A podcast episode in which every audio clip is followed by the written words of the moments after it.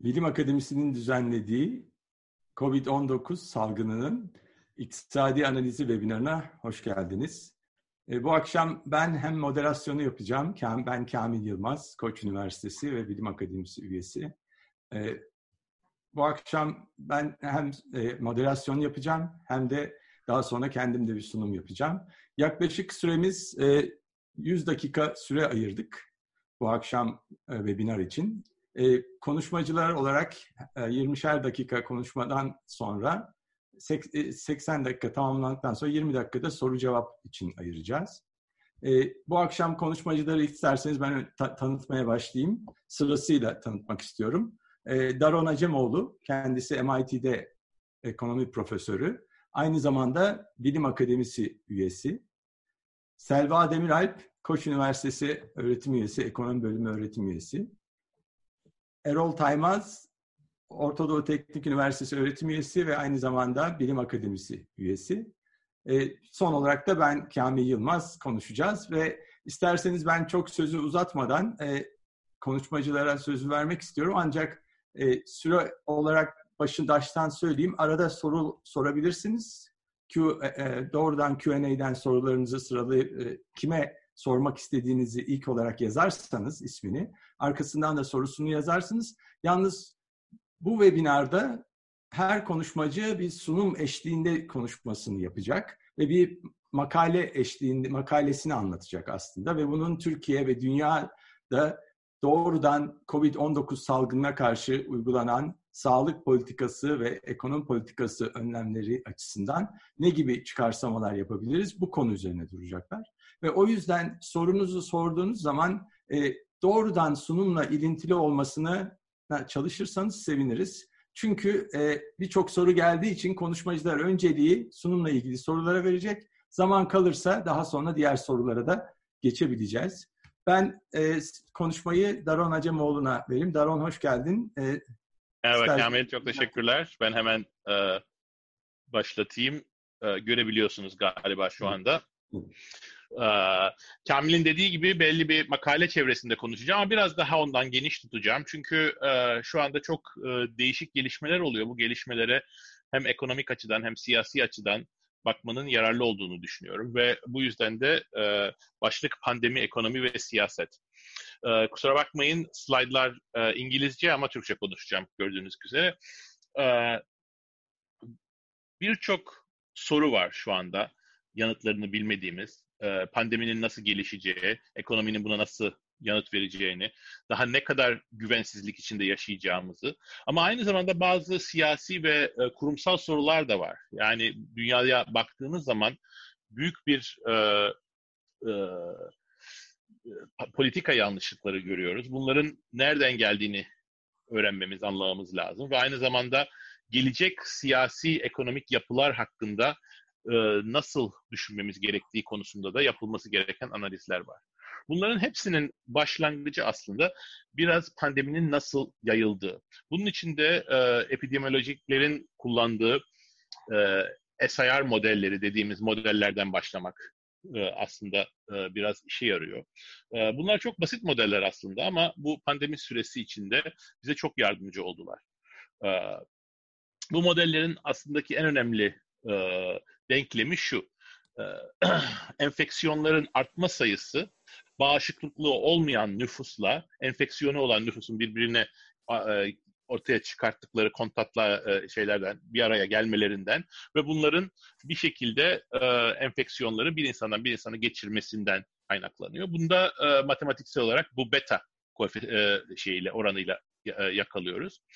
Bir de tabii ki e, e, enfeksiyonlarda zaman içinde iyileşiyorlar. Bazıları e, ölümle, bazı çoğu da e, iyileşerek.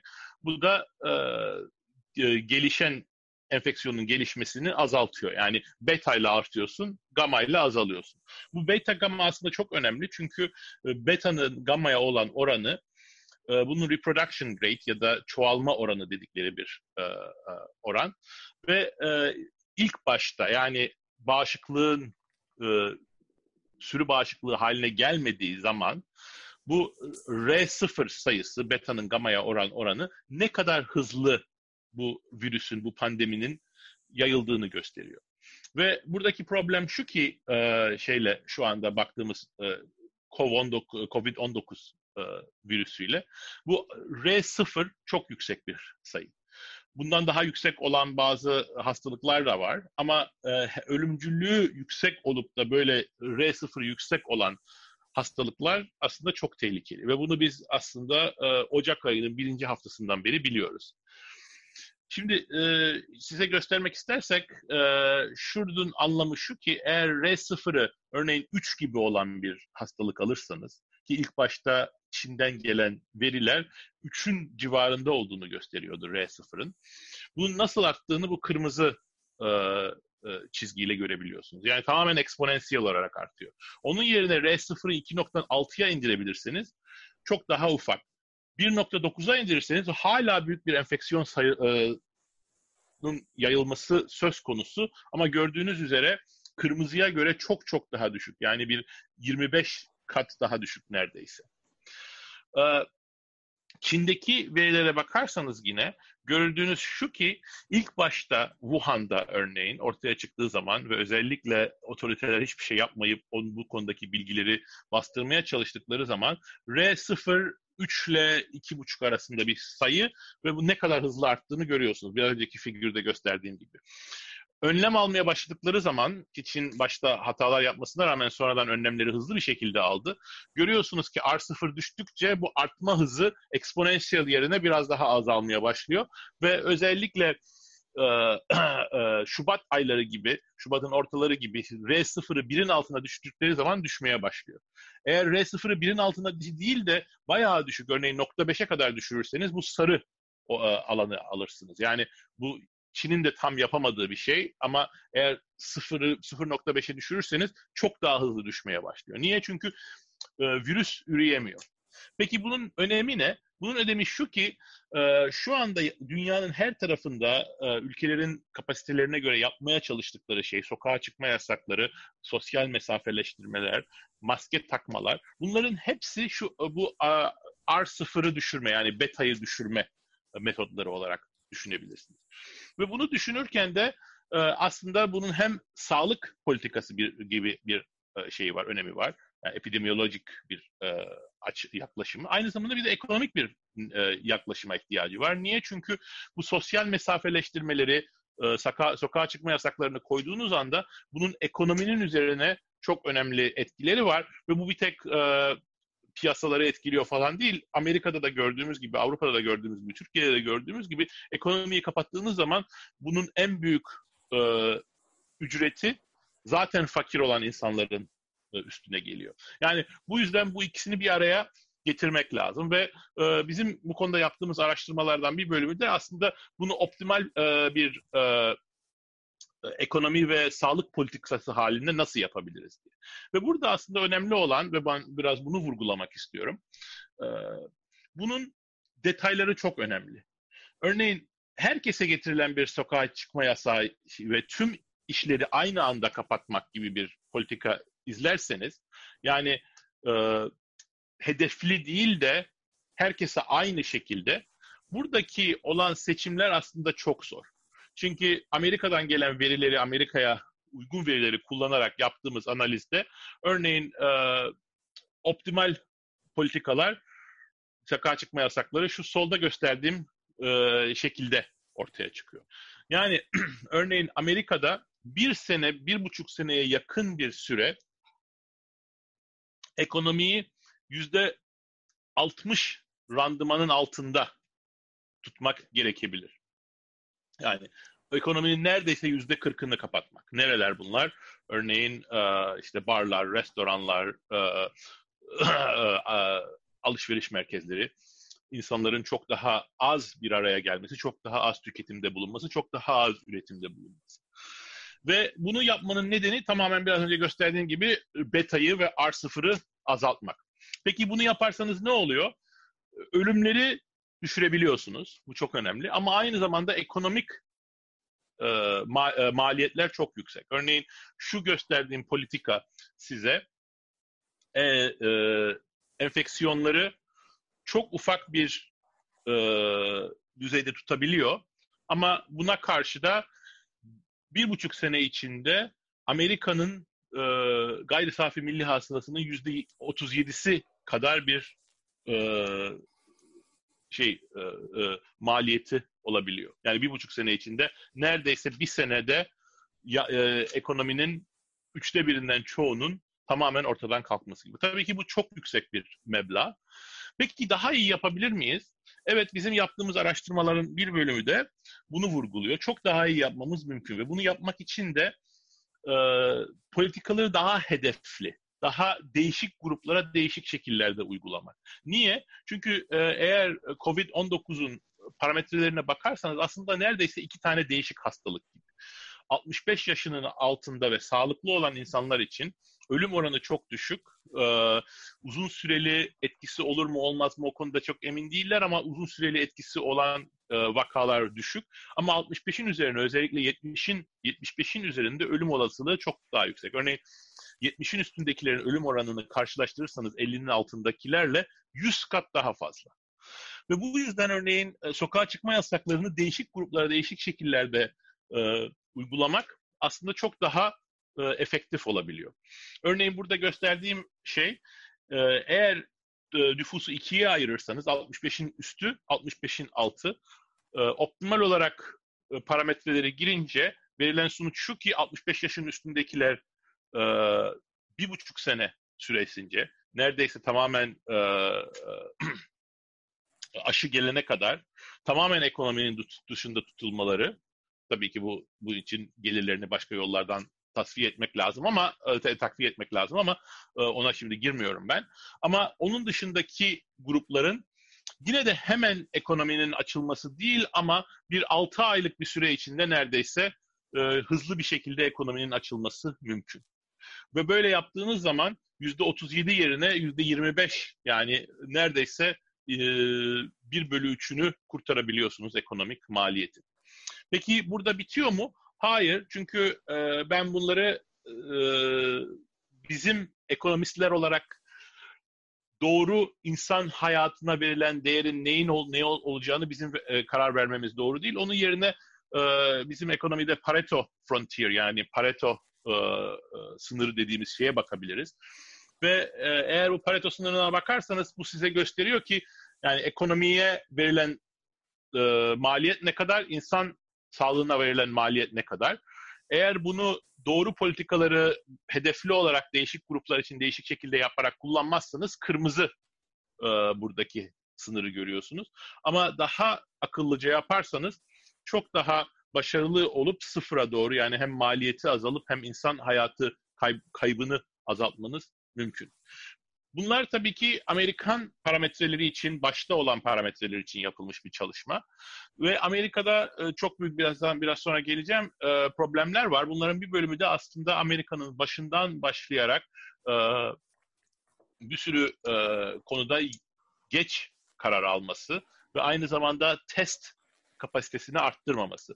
Bunun yerine örneğin test kapasitesini arttırırsanız çok daha başarılı sonuçlar elde edebiliyorsunuz. Örneğin burada gösterdiğim e, biraz daha iyi organize ederseniz e, e, sokağa çıkma yasaklarını ve aynı zamanda testing getirebilirseniz %37'lerden ekonomik maliyetleri %7'lere kadar düşürebiliyorsunuz. Aynı ölüm olan ölümler ve sağlık problemleri konusunda daha fazla zarara yol açmadan.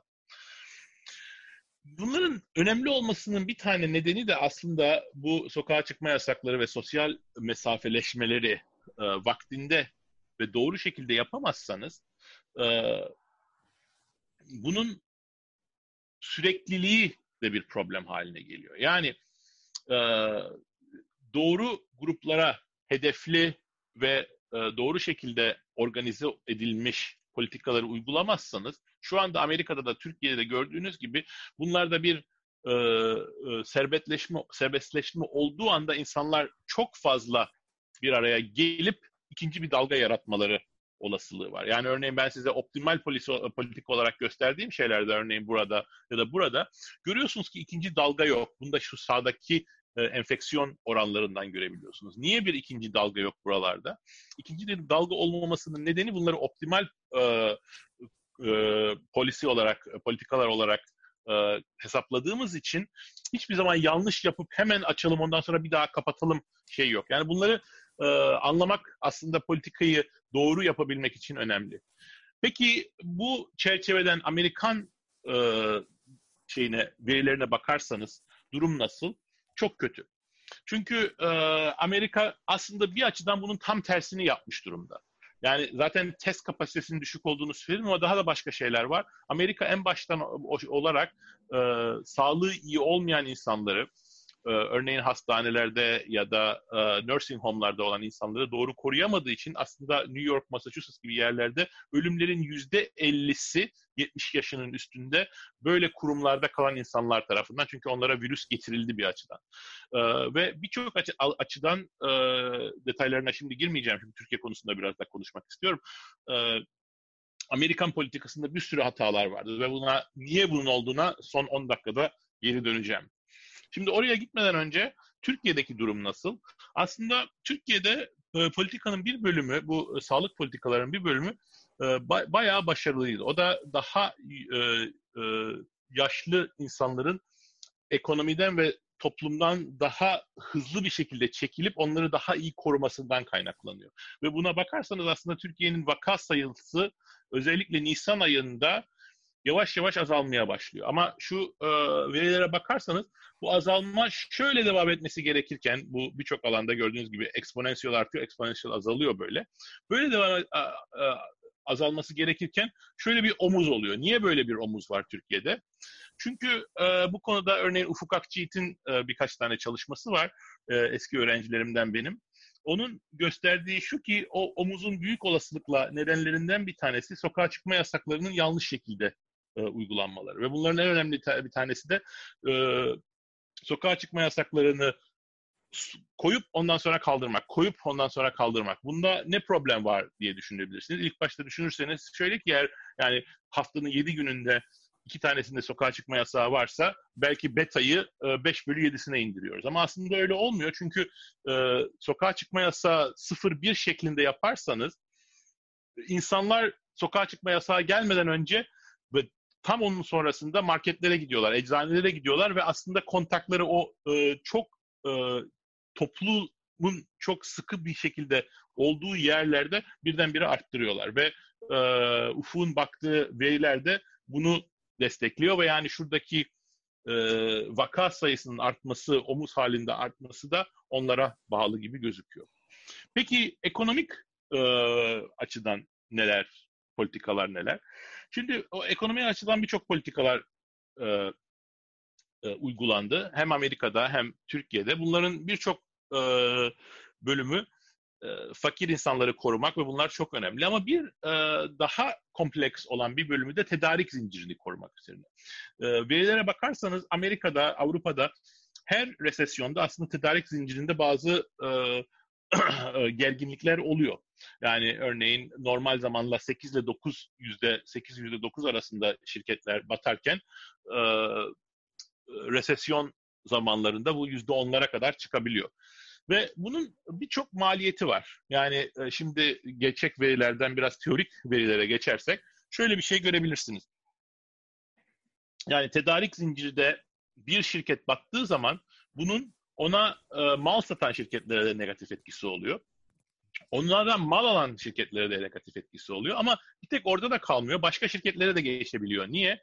Çünkü eğer ben size mal satamıyorsam bu sizin durumunuzu zorlaştırıyor. Bu sizin durumunuzu zorlaştıkça bu sefer sizin e, e, e, size tedarik eden başka şirketlere olan ödemelerinizi yapmanızı da zorlaştırıyor. Yani e, bu da benim başka e, araştırma alanlarından biri olduğu için bundan biraz bahsedeyim dedim. Yani bu e, tedarik zincirinin korunması çok zor bir şey ama bu böyle e, zamanlarda da çok önemli bir şey. Peki bu konularda e, politikanın şu ana kadar olan politikanın başarısı nasıl? Türkiye'de, Amerika'da aslında e, sağlık konusundaki çok çok büyük hatalar varken ekonomi konusunda genelde e, olan çizgi fena değil. Çünkü hem para politikaları hem mali politikalar sayesinde Amerika'da şirketlerin büyük sayıda bas, batmaları şu ana kadar e, e, engellendi ve aynı zamanda işsizlik sigortası sayesinde de insanlara biraz e, fakirliğe düşmemeleri için yeterince kaynak saygı e, verildi. e, ve e, gelen bu e, yapılan harcamanın da çok büyük olduğunu herkes biliyor tabii. Peki Türkiye nasıl? Türkiye'ye bakarsanız gayri safi milli hasılasına göre en az harcayan ülkelerden bir tanesi Türkiye. Bu aslında ilk başta biraz garip gelebilir yani. Türkiye'de gayet e, aktif bir devlet politikası var. Niye Türkiye bu kadar az e, harcıyor? Bunun nedeni ise aslında Türkiye'nin kriz öncesinde çok gereksiz ve yanlış bir şekilde para ve mali politikaları kullanmasından dolayı kriz geldiği zaman kendini zaten zor durumda bulmasıydı. Bunların en önemlisini şurada görüyorsunuz. Yani e, tedarik zincirini korumak için kredinin çok büyük önemi var. Peki Türkiye'de kredi nereden geliyor? Bir e, özel bankalardan geliyor, bir devlet bankalarından geliyor. Yeşil burada özel bankalar. Özel bankalar zaten e, kriz öncesinde yani pandemi öncesinde zaten borç vermeyi bırakmışlardı. Ve tüm bu sorumluluk devlet bankalarında ve e, e, gereğinden fazla aktif devlet bankalarıyla zaten giden ekonomi. Ama bir tek orada da bitmiyor aslında. Çünkü bakarsanız e, Dünya Bankası'ndan yeni çıkan bir çalışmaya göre e, Dünya Dünya Bankası'nın dediği o ki kriz, pandemi krizinden 10 sene öncesinden başlayarak Türkiye'deki e, politika, mali politika çerçevesi tamamen bozulmuştu. E, e, yapılan kararların çoğu e, hiçbir e, kurallara ve kanunlara uygun olmayan bir şekilde yapılıyordu. Keyfi bir şekilde yapılmaya başlıyordu. Bunlara World şey Dünya Bankası discretionary policy diyorlar. Ee, ve giderek kullandıkları e, metotlar da daha keyfi ve hem e, problemi açan hem yolsuzluğu açan hem belirsizliği açan bir şekilde gelmişti. Ve bunun da e, önemini şu anda görüyorsunuz ki hem e, de, e, Merkez Bankası'nın rezervleri tamamen ortadan kalkmaya başlıyor. Hem de aynı zamanda enflasyon Türkiye'de Arjantin ve e, e, Arjantin'den sonra neredeyse en yüksek. Öbürünü şimdi gözüm görmüyor. Bir ülke daha var orada ama şimdi gözüm görmüyor. E, yani hem e, para politikası hem mali politika konusundaki e, problemleri görmeye başlıyorsunuz. Peki son e, bir dakika içinde de e, aslında bu konuya ben biraz daha fazla siyasi kurumsal kuruluna biraz daha fazla vakit ayırmak istiyordum ama az vaktim kaldı. Daha da fazla başka e, e, tartışma zamanından çalmak istemiyorum. E, ama e, konuşmamız gereken niye kurumsal olarak Amerika'da özellikle aynı zamanda İngiltere'de böyle hatalar yapıldı. Türkiye'de de ekonomi politikasında böyle hatalar yapıldı.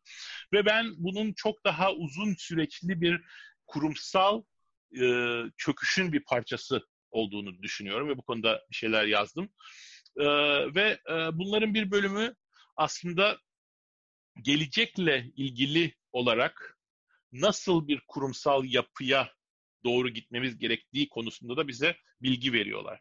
Yani aslında bakarsanız birçok değişik kurumsal yapı bugünkü krizden ortaya çıkabilir. Bunların bazıları bence çok problemli olurlar. Örneğin yaptığımız hataları aynı şekilde devam ettirerek yaşamamız, özellikle demokratik kurumların çökmesi, e, kurumlara olan güvenlerin çökmesinin devam etmesi ya da daha e, an, e, demokrasi karşıtı bir yönde Çin gibi ülkelere kopyalayarak gitmemiz mümkün. Ama e, ve son olarak oradan da artık e, bitirirken bir dakika, bir 10 saniyeliğine onu vurgulayacağım. Belki e, tartışma zamanında, soru zamanında buna geri dönebiliriz. Bu aslında benim e, son yazdığım e, Eylül ayında çıkan kitabım Dar Koridor'daki e, konuştuğumuz olaylarla biraz ilgili. Nasıl reformlar yapılabilir ve bu reformları yaparken devlet toplum bağ, bağlantısı ve dengesi nasıl sağlanabilir ve bunu örneğin bundan önceki refah devletini kurur kurarken Avrupa ve hatta bir açıdan Amerika nasıl yaptı, hangi ülkeler hatalı yaptı bunları düşünmemiz, bunlardan gelecek için doğru e, dersleri almamız lazım ve bazı şeyleri yapıp da öğrenip de daha iyi yapmamız aslında mümkün ve belki de bunlardan biraz daha sonra bahsedebiliriz. Çok teşekkürler. İkinci olarak e, Koç Üniversitesi'nden Selva Demirel hocamız konuşacak. Kendisi de makalesinin üzerinden konuşacak. Ben Türkçe olarak dışa açık küçük bir ekonomi için çok sektörlü epidemiyolojik COVID-19 modeli ve Türkiye uygulaması olarak çevirdim. Selva Hocam 20 dakikanız buyurun. Çok teşekkür ediyorum Kamil Hocam.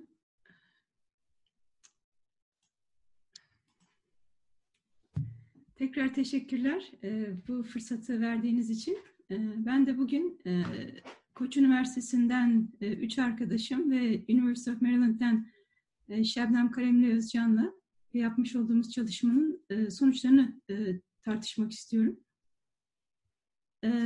Şunu belirtmekle başlayayım. Evet bu bir insani problem, bir sağlık problemi ve problemin salgının kontrol altına alınması da insani bir sorumluluk.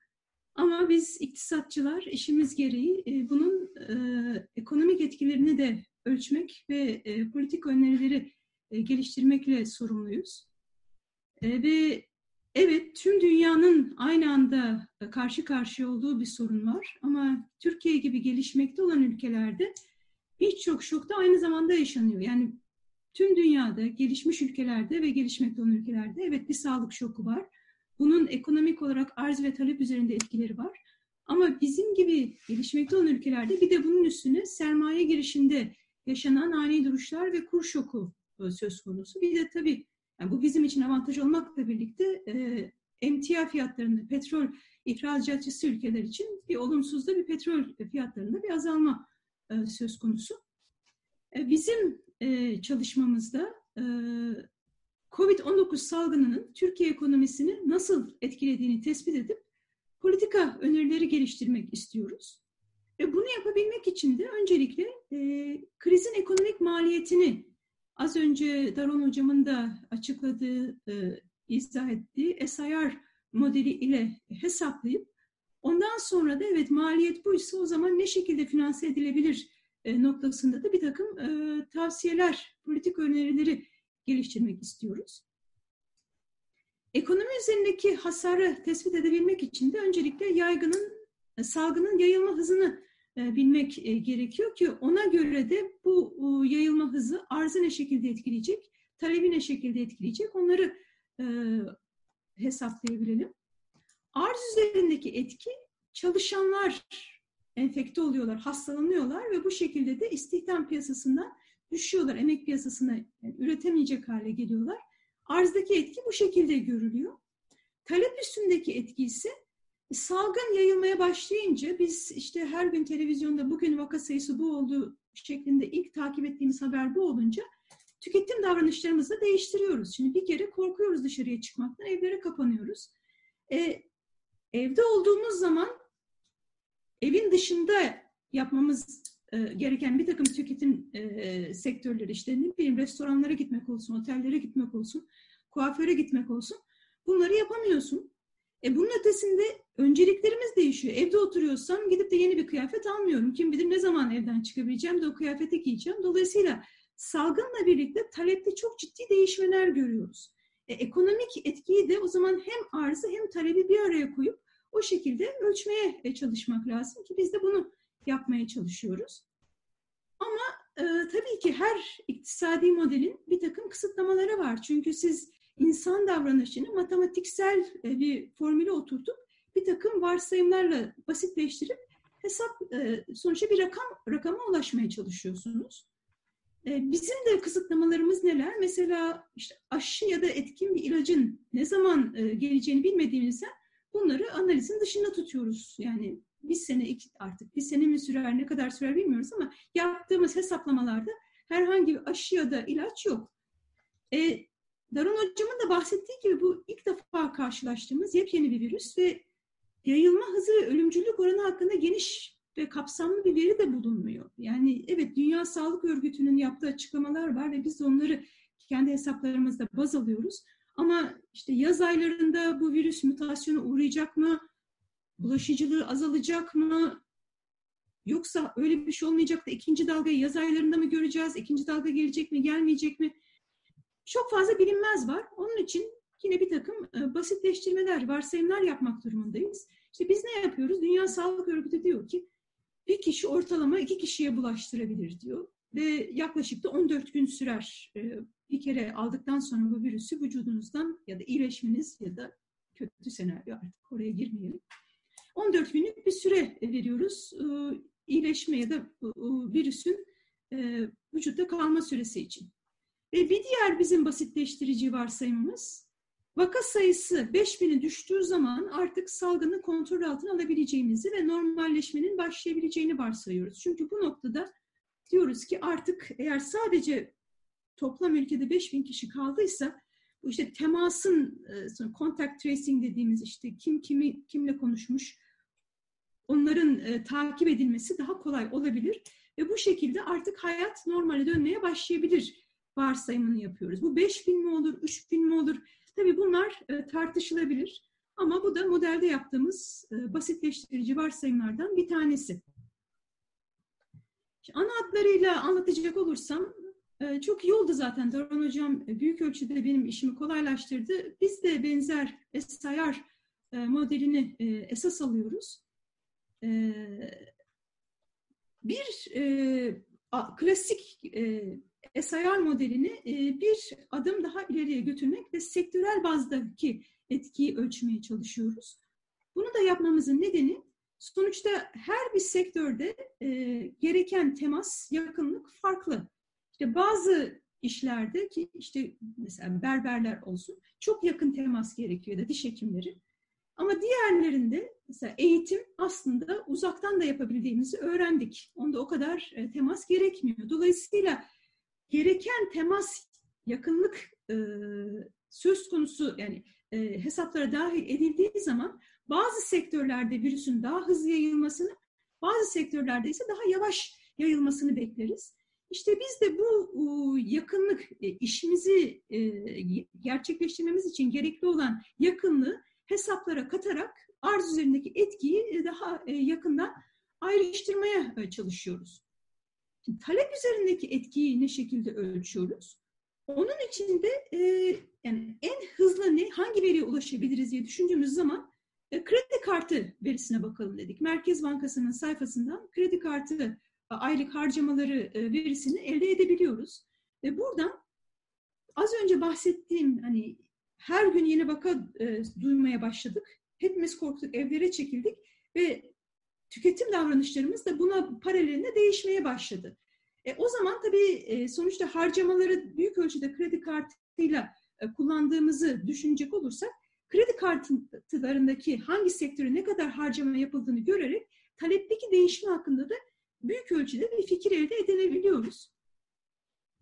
Kredi kartı verisi bize nihai ürünlerdeki talep değişikliğini gösteriyor ama az önce bahsettiğim biz arzı sektörel bazda hesaplamıştık. O zaman talebi de aynı birimden yani sektörel bazda hesaplayabilmek için bu kredi kartı verisinden aldığımız nihai talepteki değişikliği alt kalemlerine hangi sektörlerde değiştiğini e, ayırmamız, ayrıştırmamız gerekiyor.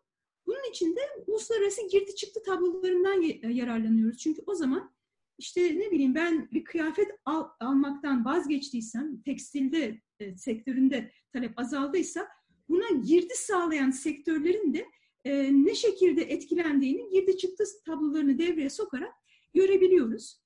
Ve ayrıca bunu uluslararası girdi çıktı tablolarını kullandığınız zaman e, ticaretin de etkilerini görebiliyorsunuz. Ben dışarıya ne kadar e, ihracat yapıyordum ve biz bir basitleyici yine basitleştirici hesapla Türkiye'deki e, tüketim e, e, eğilimleri nasıl değişiyorsa dünyanın geri kalanında da aynı sektörlerde benzer şekilde değişiyordur şeklinde e, varsaydık. Bu şekilde e, ihracat üzerindeki etkileri görebiliyoruz ya da bizim ithal aramalı sonuçta e, talebimizi de e, bu şekilde görebiliyoruz. Arza baktık, talebe baktık. Yani ekonomi öğrencilerimiz bunu bilecekler. Sonuçta bir denge gerekiyor nihai üretimin ne kadar olacağını e, bilebilmek için. Burada da e, sonuçta e, şunu yapıyoruz. Hangi taraf daha fazla düştüyse dengede o şekilde gerçekleşir. Yani arz 50 birim düştüyse, talep 100 birim düştüyse o zaman dengede 100 birim düştüğünü varsayıyoruz üretimin. Yani modelin e, genel çerçevesini anlatacak olursam, e, yarısına da gelmişim sunumumu. Ama e, çok zaten esasını anladıktan sonra gerisi daha kolay gelecek. Yani COVID salgınından baş, başlangıç noktası olarak alırsak bir arz tarafı var ki az önce de söylediğim gibi arz tarafı sonuçta insanlar hastalanıyorlar, iş gücüne katılamıyorlar ve bu şekilde üretim azalıyor. E, o zaman bu çalışanların biz e, ikiye ayırabiliriz. Bir uzaktan çalışma e, şansına sahip olanlar o sektörlerde e, virüsün yayılımı oldukça düşük olacak. Çünkü işte biz bunu yaptık. E, bu son iki buçuk, üç aydır online eğitim verdik. Öğrencilerle temas halinde değildik, evimizdeydik ve dolayısıyla kendimizi de koruduk, dışarıdakileri de koruduk. Enfeksiyon oranı dolayısıyla düşük oldu. Bir de bizim e, lüksümüze sahip olmayan iş yerine gidip orada çalışma durumunda olanlar var ki bu sektörlerde tabii ki virüsün yayılması çok daha yüksek olacak. Ama onların içinde de fiziksel yakınlığın daha fazla olduğu sektörlerde daha hızlı, fiziksel yakınlığın daha az olduğu sektörlerde daha yavaş e, yayılması gerekiyor. İşte bu fiziksel yakınlık verisini de hesaplarımıza katarak biz sektörel bazda arz etkisini ölçüyoruz. Talep etkisini de az önce dediğim gibi işte kredi kartı e, verisinden e, talepteki değişime bakıyoruz. Bunu girdi çıktı e, tablolarıyla sektörel düzeyde ayrıştırıyoruz ve ondan sonra da her bir sektörde üretim ne şekilde etkilenmiş bunu hesaplamaya çalışıyoruz. Temel bulgularımızdan bahsedecek olursa ekonomi üzerindeki en az hasarın ülke çapında uygulanacak işte yaklaşık 40 gün süren bir tam karantina uygulamasıyla mümkün olduğunu e, gösteriyoruz. Tam karantinadan kastımız ne? E, gerekli, essential dediğimiz en gerekli olan sektörler dışındaki sektörlerin e, kapalı olduğu e, ya işte gerekli olan ya da uzaktan çalışması mümkün olan sektörlerin açık olduğu bir sistem. Burada nüfusun büyük bir çoğunluğu evlerde olduğu için e, virüsün yayılması hızlı bir şekilde azalıyor ve dolayısıyla çok hız, en kısa sürede e, vaka sayısını en aza indirip kontrol altına almanız bu uygulamayla e, söz konusu oluyor. E, süre ne kadar kısalırsa ekonomik maliyet de o kadar düşüyor. Çünkü arz etkisi de daha e, kısalacak, daha az insan hastalanacağı için. E, talep etkisi de sonuçta talep neden e, etkileniyordu? Biz evlerde kaldığımız için ve o vaka sayılarını gördüğüm sürece ben o zaman korkuyorum, dışarıya çıkmıyorum ve dolayısıyla talebim de normale dönmüyor. E o zaman ne kadar hızlı bir şekilde bu sağlık sorunu kontrol altına alınabilirse ekonomik hasar da o kadar az oluyor. E, yani mantığı bu aslında e, bizim bulgularımızın. Mevcut uygulamada ne kadar tam karantinaya yaklaşırsa ekonomik maliyetin de o kadar azaldığını göstermiş oluyoruz. Alternatif senaryoların sonuçta bu tür izolasyon e, politikalarının değişik e, dereceleri var. Hiçbir şey yapmayabilirsiniz. E, İngiltere mesela bunu denemişti ilk başlarda ama daha sonra ölüm sayısı o kadar arttı ki vazgeçtiler. Ama hiçbir şey yapmazsanız ve virüs doğal sürecini yayılıp e, yayılıp ömrünü tamamlasın, işte sürü bağışıklığı kazanılsın dersek o zaman bu tür bir uygulamanın e, gayri safi yurt içi hasıla cinsinden maliyeti ekonominin e, e, yaklaşık e, yüzde onu kadar gayri safi yurt içi hasılanın. Şimdi hiçbir şey yapmamak ekonomiye ne etkisi var? Hani bütün iş yerleri açık diyebilirsiniz ama o kadar çok insan hastalanıyor ve iş gücünden düşüyor ki yine tabii ki bunun ekonomi üzerindeki bir etkisi oluyor. Ama tabii can kaybı çok yüksek.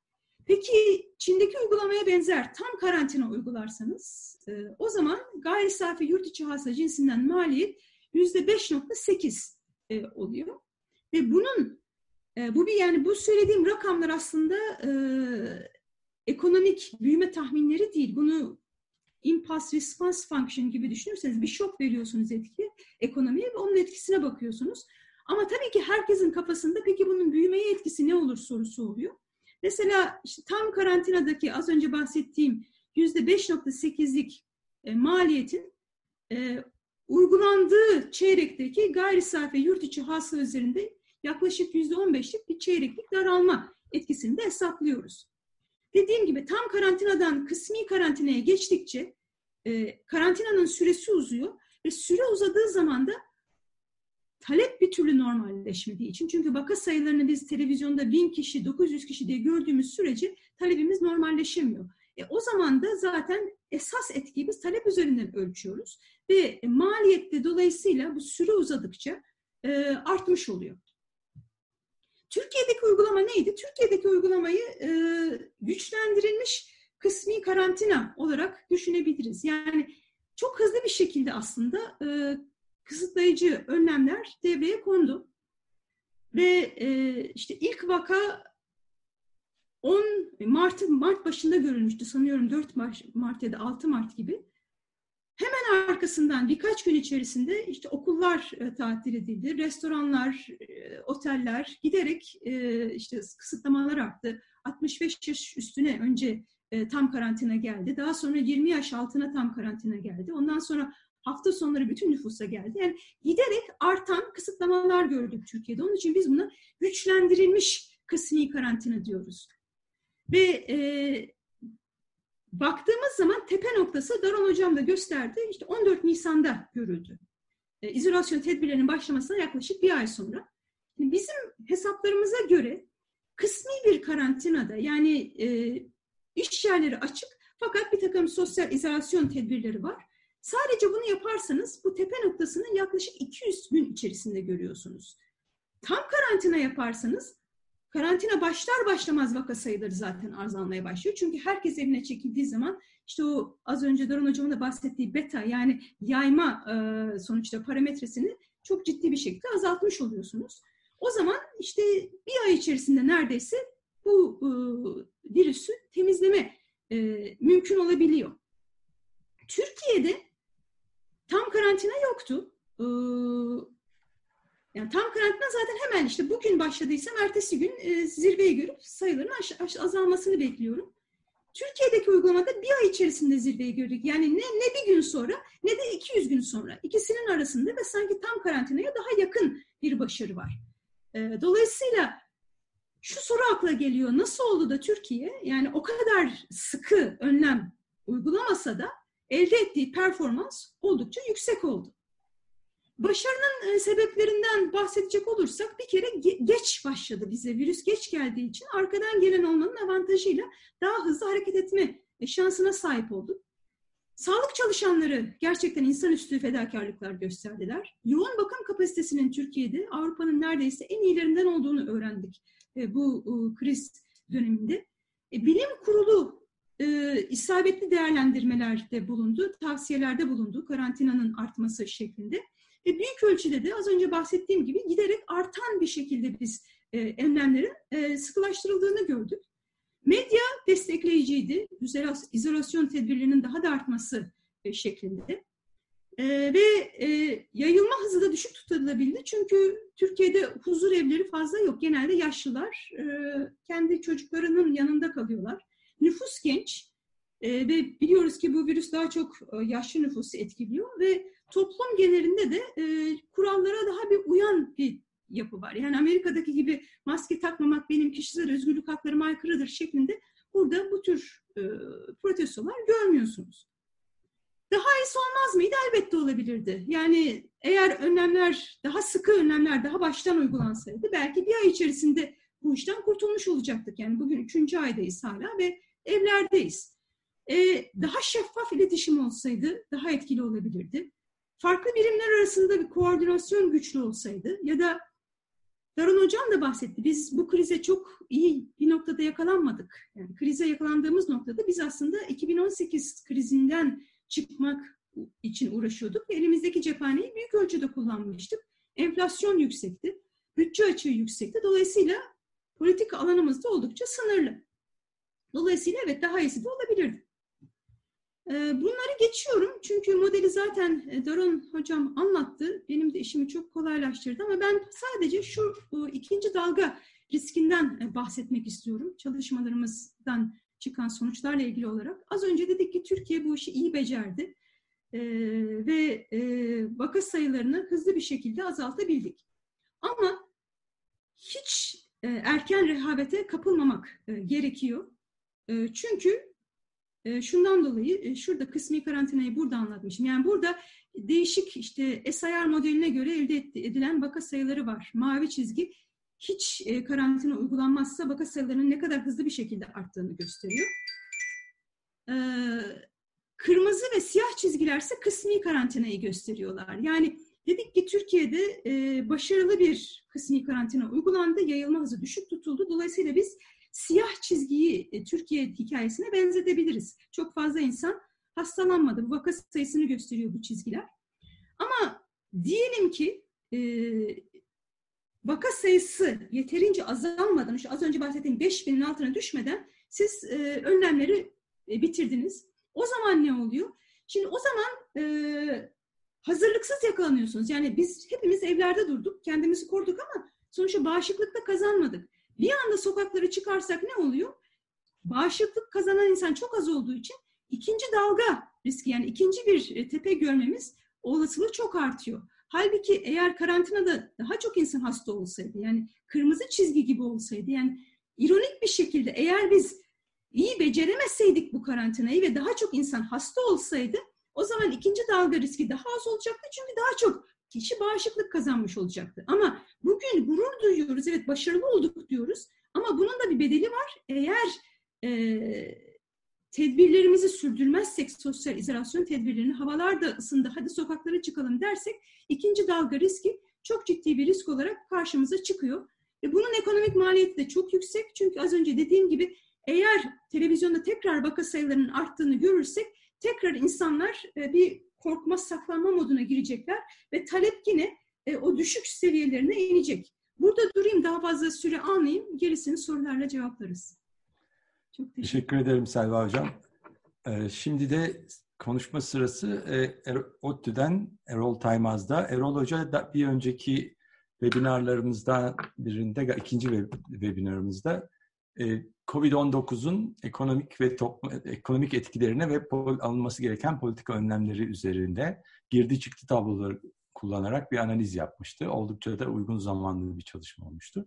Şimdi de biraz daha ileri gidip mikro, mikro simülasyon e, teknikleri kullanaraktan bir analizini daha da derinleştirecek galiba.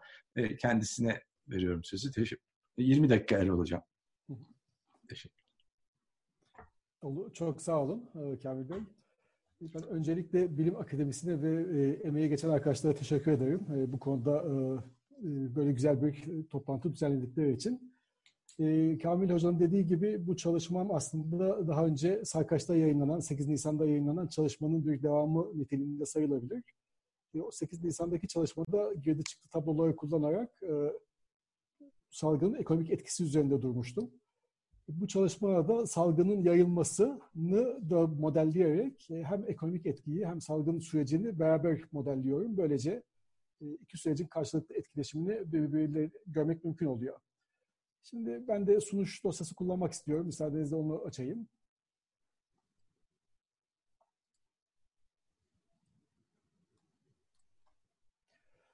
Şimdi hepimizin bildiği gibi bu salgın e, çok hızlı bir şekilde yaygınlaştı.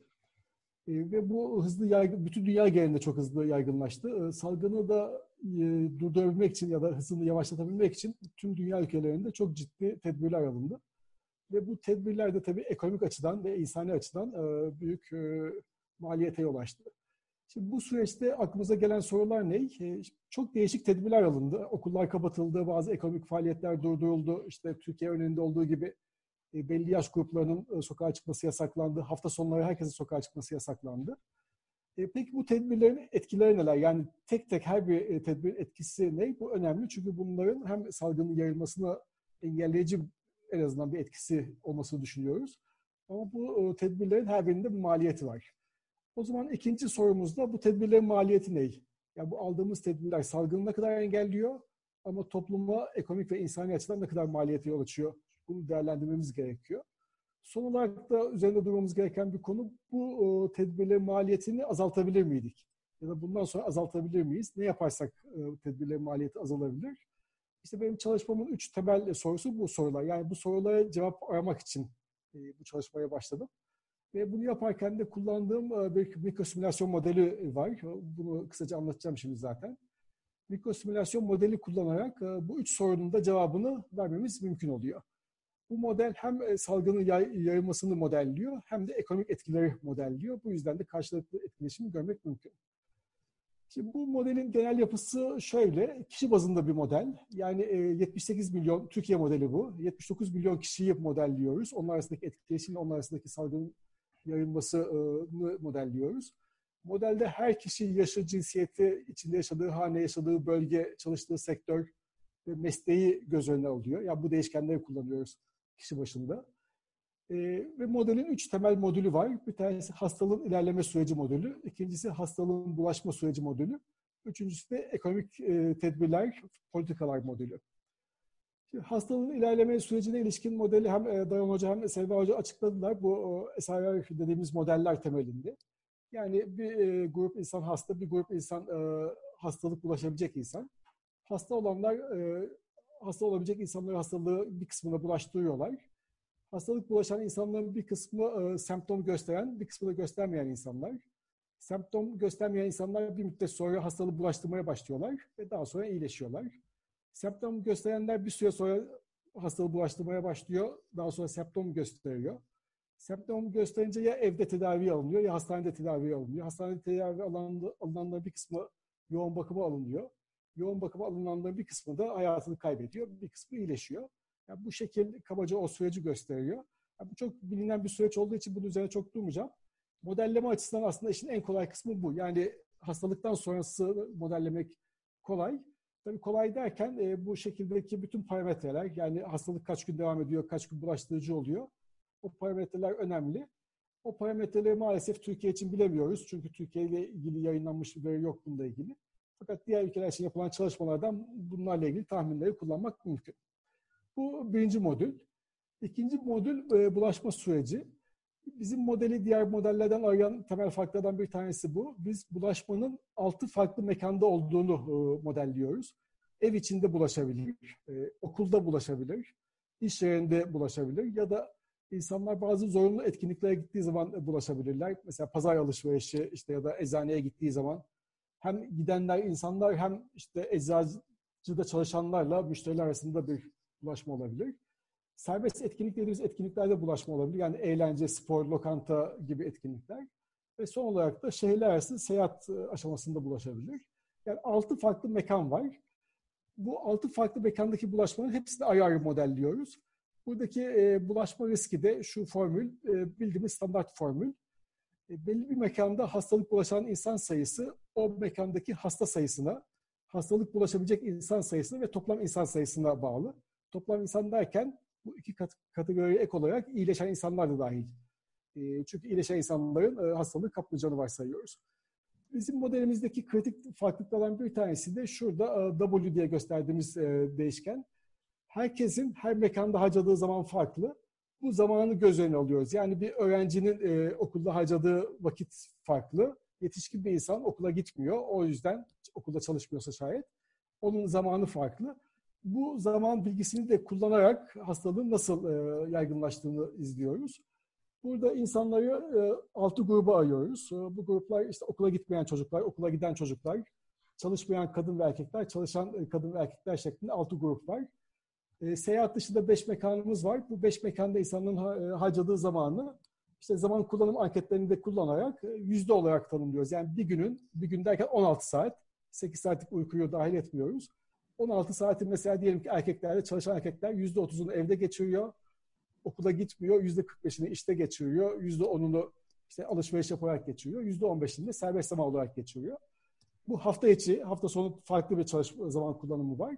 İşte bu zaman kullanım yoğunluklarını kullanarak herkesin etkileşimini ve etkileşim olduğu zaman da hastalığı e, bulaştırma parametresine bağlı olarak hastalık e, toplum içinde yayılıyor. Şimdi üçüncü modülümüzde tedbirler, politikalar kısmı. Burada her politikayı etki, e, eklemek mümkün e, model kapsamında. Fakat bizim incelediğimiz e, politikalar işte okulların kapatılması, 65 yaşından büyük olanların sokağa çıkma yasağı, 20 yaşından küçük olanların sokağa çıkma yasağı, seyahat kısıtlamaları, ülke genelinde bayramda yaptığımız sokağa çıkma yasağı ve bazı ekonomik faaliyetlerin durdurulması. Yani lokantaların e, mesela faaliyetlerin durdurulması ya da spor tesislerinin faaliyetlerinin durdurulması gibi tedbirler. Bunlara ek olarak kişisel tedbirler ya da sosyal mesafe var. İşte insanların maske takması, elini yıkaması gibi. Ve son olarak da önemli bir faktör de sağlık sistemindeki e, değişim. Bu filyasyon konusu önemli. Daha sonra geleceğim. Yani e, bir kişinin e, kime hastalık bulaştırdığını tespit edilmesi hasta olan insanın bir an önce karantinaya alınması önemli. Bütün bu faktörler hastalığın yayılmasını etkiliyor. Şimdi kullandığımız veri kaynakları kısaca temelde hane halkı iş gücü anketi verileri kullanıyoruz ama buna ek olarak işte input output tablosu, ulusal hesaplar gibi burada saydığım e, değişik veriler var. E, buna ek olarak demin bahsettiğim epidemiyolojik tahminler var. Diğer ülkeler için yapılan e, tahminlerdeki parametreleri kullanıyoruz. Türkiye'deki e, toplulaştırılmış, e, çünkü sadece o veri var. E, günlük vaka sayısı, vefat sayısı, iyileşen hasta ve yoğun bakımdaki hasta sayıları var. Onları kullanıyoruz. 3 Nisan'da sadece e, benim gördüğüm illere göre vaka dağılımı yayınlanmıştı. O vaka dağılımında modelin e, e, ilk değerlerinin bulunması açısından kullanıyoruz. Son olarak da tabii kalibrasyon yapıyoruz. Yani bütün bu parametre değerlerini e, Türkiye datasına uyacak şekilde e, olması gerektiğini buluyoruz. Şimdi buradan e, üç temel soruya e, cevap vermeye çalışıyoruz. Ne oldu? Ne olabilirdi? Ve ne olabilir? Bundan sonra ne olabilir? Tabii bundan sonra işte bunlarla bu üç sorunun cevabını vermeye çalışacağım. Fakat bütün verilen cevapların e, kalibrasyon ile bulunan parametre değerlerine bağlı olduğunu vurgulamam lazım. Kalibrasyonu da sadece toplu e, günlük sayılar üzerinden yapabiliyoruz. Çünkü Türkiye'de mesela bir yaş dağılımı yok. Yaşa göre vefat sayıları, hastalık sayıları, bunların zaman içindeki de, e, değişimi yok. Bu tip veriler olursa tabii ki tahminlerde daha güvenilir ve daha iyi olacak. Şimdi ne oldu? E, bu grafikte e, kırmızıyla görülen gerçek sayılar, e, günlük vefat sayıları. 20 farklı simülasyon yaptık. E, tesadüfi etkilerden dolayı simülasyondan simülasyona sonuç değişebiliyor. Silip görülen siyah çizgiler işte her biri farklı bir simülasyon. Bu 20 tanesinin ortalaması da mavi çizgiyle görülen. Gördüğünüz gibi hani vefat sayılarının zaman içindeki değişiminde kalibre edilen parametre değerleri oldukça iyi tutturuyor. Aşağıdaki şekilde de vaka sayıları var. Burada da e, iyice e, tutturuyor. Sadece şu son birkaç günlük bir sapma var. Onun nedenine daha sonra geleceğim. Şimdi peki ne olabilir, e, ne olduğuna bakarsak e, kısıtlamaların etkisi e, ne olduğunu görüyoruz. Tabii kısıtlamaların zaman içindeki etkisi değişiyor. Bu demin bahsettiğim üç farklı etkiden dolayıydı. Hem politikalar, hem insanların yaptığı sosyal mesafe tedbirleri, hem de sağlık sistemindeki değişimin üçünün birden etkisi var. Bu üç etkiyi de aslında ayrı ayrı gösterebiliriz. Peki ne olabilirdi sorusuna cevap yaparsak üç farklı şeye baktık burada da. Kısıtlamalar olmasaydı ne olurdu? Yani ilk başta saydığımız e, kısıtlamalar olmasaydı ama sağlık sistemindeki iyileşme olsaydı ne olurdu? Burada günlük vefat sayısını görüyorsunuz. Gördüğünüz gibi kısıtlamalar olmasaydı vefat sayısı ve vaka sayısı çok hızlı artıyor. Bu insani açıdan en azından bir facia olacaktı. Yani ekonomik açıdan belki daha iyi bir durumdu ama insani açıdan kabul edilebilir bir durum değildi tabii ki. İkinci baktığımız sokağa çıkma yasağı daha erken başlasaydı ne olurdu? Bu hem 31 ildeki haftalık hafta sonları sokağa çıkma yasağı hem de e, 65 ve 20 yaşından büyük ve küçüklerin sokağa çıkma yasağı ve e, 31 ildeki ulaşım yani arası ulaşım e, kısıtlaması. Bunlar yaklaşık iki hafta önce olsaydı yani ilk vaka 11 Mart'ta görülmüştü. Bu tedbirlerde okulların kapatılması 16 Mart'ta başladı. 20-21 Mart'ta başlasaydı ne olurdu? E, vefat sayılarıyla ilgili durum e, bu şekilde görülüyor. Hem bunun e, zirve noktası daha erken çekilebilirdi hem de toplam vefat sayısı ve toplam vaka sayısı oldukça azaltılabilirdi. Bu tedbirler daha erken alınsaydı. Peki Yeni Zelanda'da olduğu gibi kısmi bir e, ekonomik faaliyetlerin durdurması değil de toptan bir e, kısıtlama olsaydı, yani bütün ülkede bir aylık bir sokağa çıkma yasağı olsaydı ne olurdu? Ona bakıyoruz burada. 22 Mart ve 21 Nisan arasında sokağa çıkma yasağı e, uygulansaydı, şimdi gördüğünüz gibi burada tepe noktası oldukça öne alınıyor. E, Nisan'ın ikinci haftasında alınıyor. Ve vefat sayılarında da çok ciddi bir düşüş var. E, vaka sayılarında da benzer bir e, ciddi bir düşüş oluyor. Yani tedbirler daha erken başlasaydı ya da Yeni Zelanda'da olduğu gibi bir aylık komple bir e, sokağa çıkma yasağı olsaydı ve faaliyetler durdurulsaydı vefat sayılarında yüzde 40'a varan bir düşüş sağlanabilirdi. Peki bundan sonra ne olabilir? Bir Haziran sonrası ne olabilir? Burada iki senaryoya bakıyoruz. Bir tanesi bütün ekonomik faaliyetlerdeki kısıtlamanın bir Haziran'da kalktığını varsayıyoruz. Ee, gerçek durumda hepsi bir Haziran'da kalkmıyor. Kademeli bir geçiş var bildiğiniz gibi. Bir Haziran'dan bir Temmuz'a kadar kademeli bir geçiş var ama hızlı bir e, geçiş var. Biz hani daha hızlı sonucu görmek için bir Haziran'da itibaren bu bütün kısıtlamaların kalktığını varsayıyoruz. İkinci e, modelde de, ikinci simülasyonda da bir Haziran'dan sonra bütün tedbirler, e, kısıtlamalar kalkıyor. Fakat sağlık sisteminde çok ciddi bir iyileşme var. Yeni vakalar çok hızlı tespit ediliyor e, yapılan testlerle ve tespit edilen vakalar çok hızlı bir sürede e, karantina altına alınıyor. Bu şekilde de hastalığın yayılması engelleniyor. O zaman ne olacak ona bakıyoruz. İlk durumumuz şu, sağlık sistemi şu anda olduğu gibi devam ederse, yani yeni vakaları tespit etme açısından, gördüğünüz gibi e, Haziran'ın ortasından itibaren vefat sayısı artmaya başlıyor. Şu şekilde de görüldüğü gibi e, vaka sayısı da Haziran'ın başından itibaren artmaya başlıyor. Şimdi şurada gördüğünüz gibi kırmızı çizgi gerçekleşen durum. Bugün açıklanan rakam daha da yüksek. Yani bugünkü rakam e, bini geçti. E, bu daha da yukarı çıkacak. Yani bizim tahminimizden belki daha kötü bir aslında vakaların artması e, söz konusu olabilir.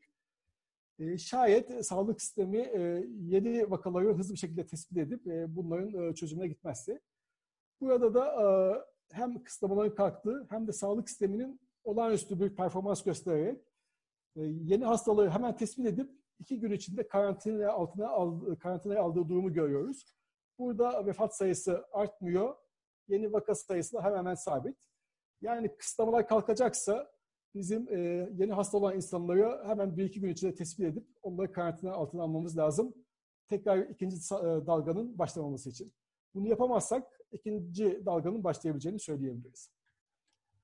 Şimdi burada e, sonuç olarak e, özetlersem şunu söyleyebilirim. Bu 8 Nisan'da yaptığımız çalışmada 3 senaryo üzerinde çalışma yapmıştık. Kötümser senaryoda istihdam ve üretimdeki kaybın yaklaşık %30 olacağını öngörmüştük o senaryoda.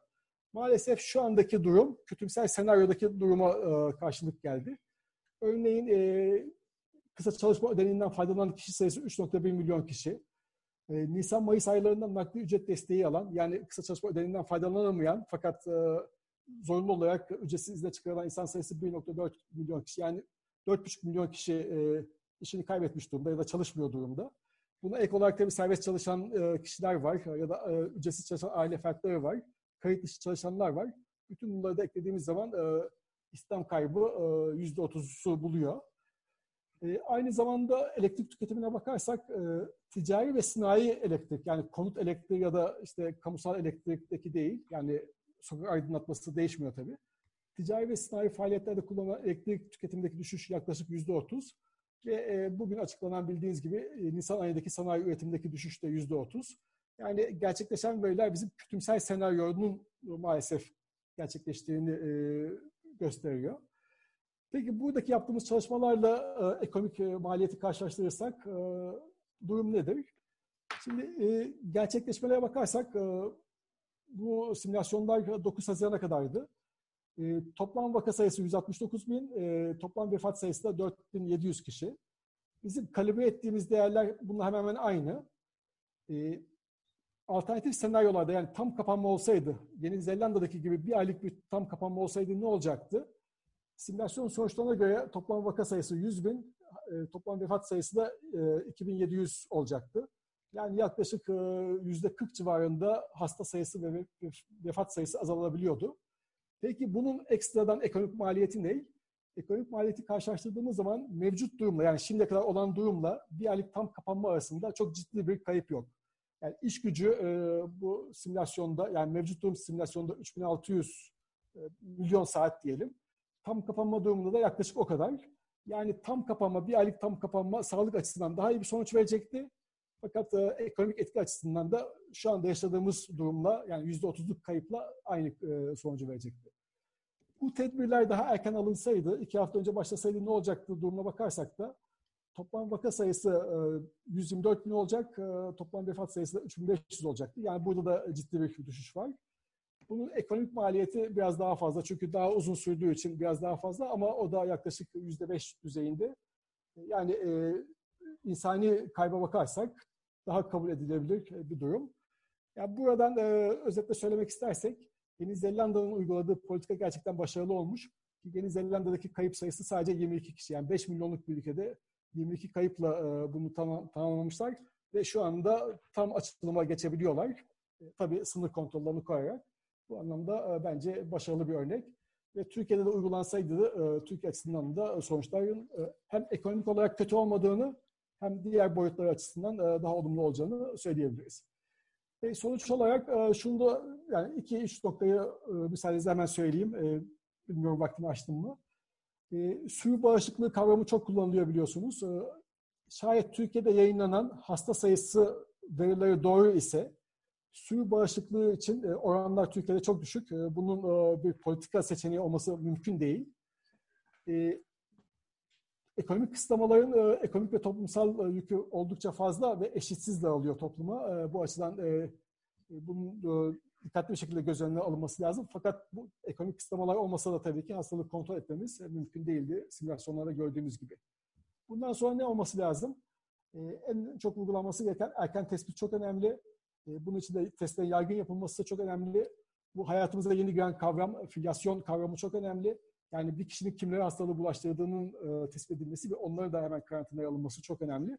Bunu yapamazsak ekonomik kısıtlamalarla yani bazı ekonomik faaliyetlerin durdurulması yoluyla ya da sokağa çıkma yasağıyla e, bu sorunu çözemeyeceğimiz bence görülüyor. E, bu e, tedbirlerin ekonomik ve toplumsal yükünün e, fazla olduğu ve eşitsiz olduğunu söylemiştim. Bu yüzden de dinamik ve kapsayıcı bir sosyal güvenlik sisteminin olması şart. Dinamik derken hemen tepki gösteren bir e, sistemden bahsediyorum. Gecikmeli olarak değil ve kapsayıcı olması. E, bu desteklerden zarar gören herkesin faydalanması önemli. Türkiye'de bu tabii ki kayıt dışı kesim açısından çok önemli bir sorun. E, çünkü kayıt dışı kesim daha önce bahsettiğimiz desteklerden büyük ölçüde faydalanamıyor. Son olarak da tabii e, şimdi burada üç tane sunuş e, Türkiye üzerinde dinledik. Dayan Hoca'nınki, Selva Hoca'nınki ve benim sunuşum. Üçümüzde aslında farklı modeller kullandık. E, sonuçlarımız bir ölçüde birbirine benziyor ama modeller farklı. Bu aslında iyi bir şey çünkü e, çok belirsizlik var. Ne kadar farklı yöntemlerle analiz edersek bu olayı o kadar doğru sonuçlara yol açabiliriz. Fakat herhalde üçümüzün de en büyük e, şeyi e, e, talebi bilgi. Yani Türkiye üzerinde bilgi çok eksik, e, veri çok eksik. E, Türkiye üzerinde veri ne kadar çok olursa bu modellemelerde daha sağlıklı olacak. E, modellemeleri tahmin sonuçları da daha sağlıklı olacak. Bu yüzden bu konuyla ilgili verilerin açık olması, herkes tarafından bilinmesi ve paylaşılması çok önemli. Bugün hala biz Türkiye'deki yaş dağılımını, mesela hastaların yaş dağılımını, vefatların yaş dağılımını bilemiyoruz. Bunu bilemediğimiz zaman da aslında sağlıklı bir politika önerisinde bulunmamız çok zor. E, ben burada sözlerimi tamamlayayım. E, soru cevap e, kısmında ek sorular olursa onları cevaplamaya çalışırım. Bu Sarkaç sitesinde, Bilim Akademisi'nin Sarkaç.org sitesinde bununla ilgili COVID-19 ile ilgili çok güzel çalışmalar var. Olayın değişik boyutlarını inceleyen hem ekonomik boyutlarını hem tıbbi boyutlarını. Yani ilgilenenler siteden bu çalışmalara bakabilirler. Benim burada sunduğum çalışmada kendi web sitemde mevcut. E, buradaki adresten e, bu sunum dosyasına da ilgilenenler ulaşabilirler. Çok sağ olun. Evet, Teşekkür Kamil Hoca'ya sözü iade ediyorum. Galiba şimdi e, söz sırası onda. Ben onu tanıtmış olayım. Evet, bence Erol Hoca çok da güzel bir yerde bitirdi aslında. Ben de aslında onların çalışmalarından sundukları modellerden farklı bir açıdan geleceğim ve Türkiye'deki bilgi eksikliği konusu üzerine bir vurgu yapmak istiyorum ama kullanacağım veriler Türkiye üzerine olmayacak. Başka ülkelerin verileriyle bir çalışma sunacağım.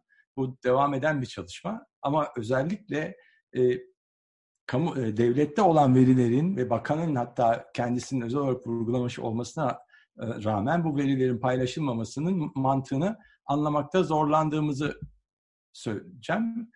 Benim başlığım e, sokağa çıkma yasakları, topluluk hareketliliği ve COVID-19'un bölgesel bağlantılılığı. Bu connectedness diye çevir, bir ekonometrik bir terimden yola çıkıyoruz. Bunları iki öğrencim, doktor öğrencim Melisa Bilgin ve Umut Akovalı ile birlikte yaptığım bir çalışma, devam eden bir çalışma. Şimdi burada asıl e, vurgulamamız gereken nokta evet e, genelde baktığımızda e, günlük vaka sayısı, ölüm sayısı, yeniden üretim kat sayısı bunlar üzerine olabildiğince veri bulundurabiliyoruz. Tabii Erol Hoca'nın da bahsettiği gibi yaş dağılımı bu veriler elimizde yok. Başka da daha detaylı veriler de yok. Ama genelde bu çalışmalarda yapılan e, tek e, toplu bir e, veri üzerinden yola çıkılıyor. Yani ülke genelinde olan bir veri. Ve bunu bir ölçüde bizim vurgulamak istediğimiz kitle Türkiye dışında birçok ülkede bölgesel vaka sayıları kamuoyuyla paylaşılıyor. Hatta bölgesel ölüm sayıları da var. Ve bu aslında ekonometricilerin, iktisatçıların o verileri kullanarak bu ülkede en azından COVID-19'un gelişimi konusunda ne gibi bir yol izlediğinde farklı e, modeller, farklı veriler kullanaraktan yola devam edilebiliyor. Bu çalışmada İtalya, Almanya ve ABD örnekleri var ama birçok başka ülkeyi de dahil edebiliriz gerekirse. Baktığımız zaman İtalya Avrupa'da bu iş ilk e, Covid-19'un en hızlı arttığı ve yaklaşık Mart'ın 20'sine doğru pik yaptı ve İtalya'nın uyguladığı tamamen bir lockdown dediğimiz sokağa çıkma yasaklarının sert bir şekilde uygulanması ve Mayıs'ın alt, e, dördüne kadar bu uygulandı. Kademeli olarak yavaşlat azaltıldı. Bu sertlikle sertliği, sıkılığı politikaların ancak daha sonra ancak Mayıs 4'ünden itibaren tam olarak açılım yapıldı. Yani çok gevş, daha da gevşetildi. Olabildiğince ekonomik aktiviteye yol verildi ve Haziran'da şu anda daha da gevşek e, tam olarak aktivite devam ediyor. Almanya ise bu konuda İtalya'dan çok daha farklı. Almanya'da da hızlı bir artış var. İtalya'dan bir hafta 10 gün sonra pik noktasını yakaladı. Ama arkasından Almanya bu kadar güçlü, sert e, kamu e, sağlığı politikaları uygulamadan da e, vaka sayısını binin altına çok hızlı bir şekilde çekti ve şu anda da günlük sayılar 500'ün bile altına düşmüş durumda. Amerika'ya geldiğimizde Amerika tabii ki bu biraz daha geç e, Amerika'ya ulaştı COVID-19 ama pik noktası da e, Nisan'ın başı gibi gerçekleşti ve ne yazık ki o pik noktasından aşağı inişte çok hızlı gerçekleşmedi. E, yani burada bizim e, bu yeni vaka sayılarına baktığımız zaman evet buradaki asıl bu bir ölçüde daha önce de bahsedildi. Kamu politikaları nasıldı? Alınan önlemlerin sıkılığı nedir? İşte bir de diğer bir şey Google, Facebook, işte SafeGraph birçok big data toplayan şirketler bu verileri akademisyenlerle, araştırmacılarla paylaştılar ve şu anda mesela Türkiye içinde var bu veriler ama bölgesel olarak yok. Orada da yok. Şimdi baktığımızda bu mavi çizgi bize neyi gösteriyor? Mavi çizgi İtalya'da önlemlerin ne kadar hızlı sıkılaştırıldığını gösteriyor.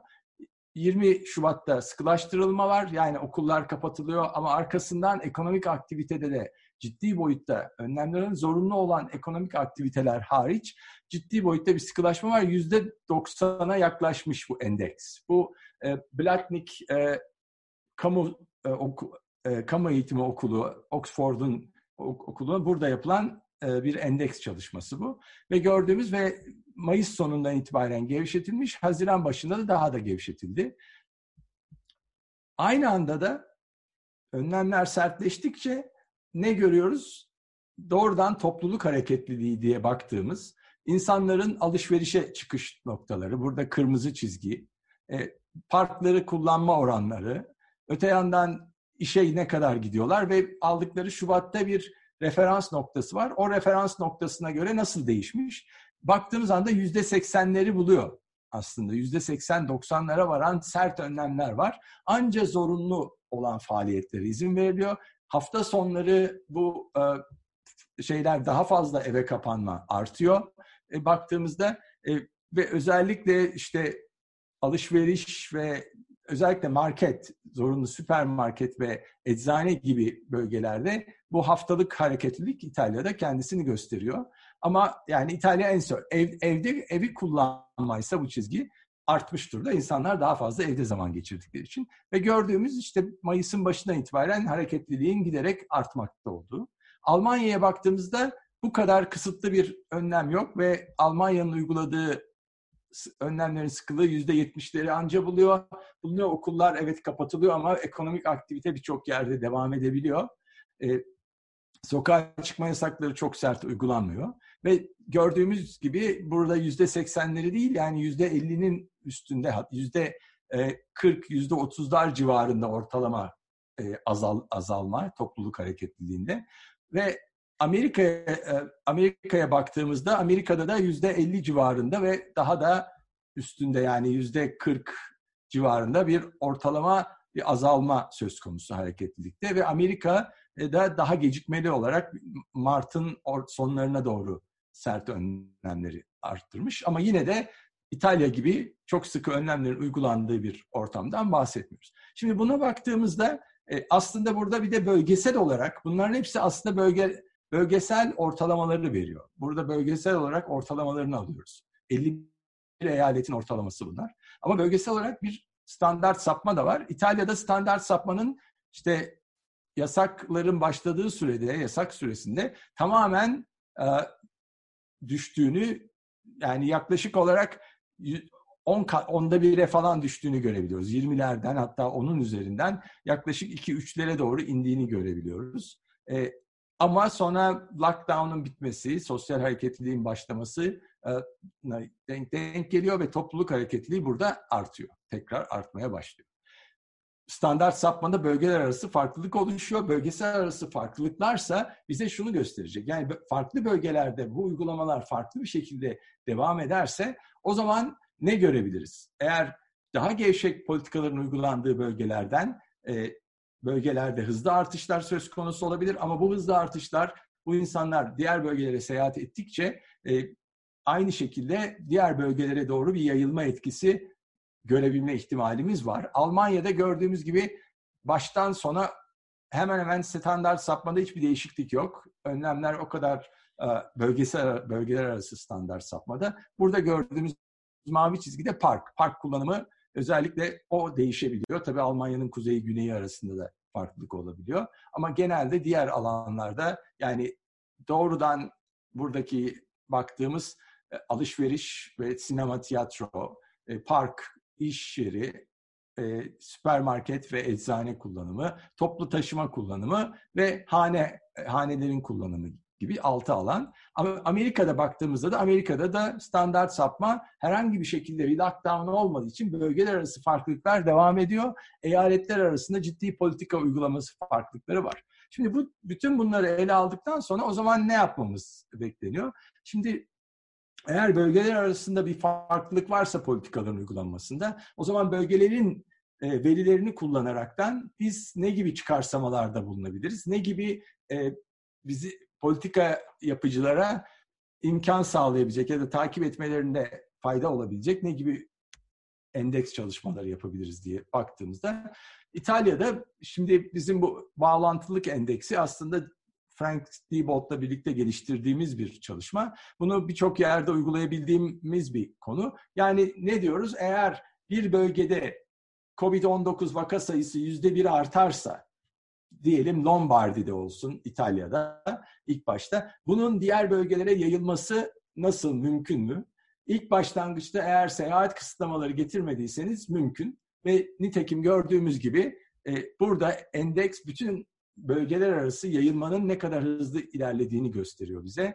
Bu yet, burada baktığınız anda maksimum yüze çıkabilir. Ama yüze çıktıkça, yaklaştıkça oraya ulaşması imkansızlaşır, giderek zorlaşır. Ama burada gördüğümüz nedir? 75'lere doğru yaklaşık 20 puandan fazla arttıktan sonra özellikle sıkı önlemlerin uygulanmasıyla beraber e, onun etkisiyle lockdown yani bu özellikle sıkı önlemlerin son dönemine kadar hızlı bir azalma var bölgeler arası yayılmada, e, bağlantılılıkta. Ama lockdown'un bitmesi e, ile beraber aslında çok da ciddi bir artış gözükmüyor. 1, 1 Haziran'da bitirmiştik datayı.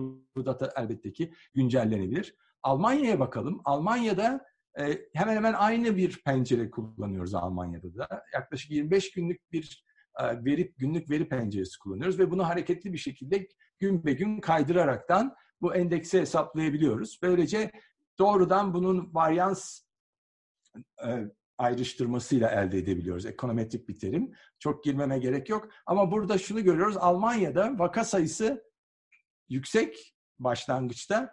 E, bağlantılılık oranı da yüksek. Giderek bu azalıyor ve İtalya'nın da altına inebiliyor. Ama Almanya'nın uyguladığı tedbirler sadece nedir? Sokağa çıkma yasakları değil. Almanya ne yapıyor? Vakaları tespit edip o vakaları doğrudan izole etmek yöntemiyle e, rastsal testler yapabiliyor. Rastlar test, testler yapabildiği için hem mahalleler çerçevesinde hem il içinde hem de bölgeler arasında bu yayılmanın önüne geçebiliyor.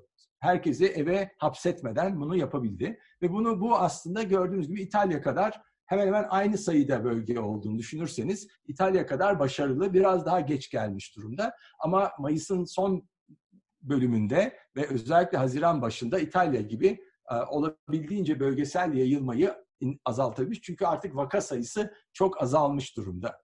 Amerika'ya baktığımızda ise Amerika tabii ki e, eyalet sayısı çok daha fazla. Onun için gözlem ihtiyacımız olan gözlem de 55 en az baktı kullanıyoruz ve Nisan sonunda başlıyoruz ve Nisan sonundan itibaren Amerika'nın düşürebildiği yaklaşık iki buçuk yaklaşık iki buçuk beş, beş puanlık bir indirim var endekste. Bu da şunu gösteriyor. Diğerlerindeki o gerek sıkı önlemlerle gerek uygulanan çok daha detaylı ve sağlık sisteminin etkin çalışmasıyla elde edilen sonuçlar Amerika'da ne yazık ki elde edilemiyor.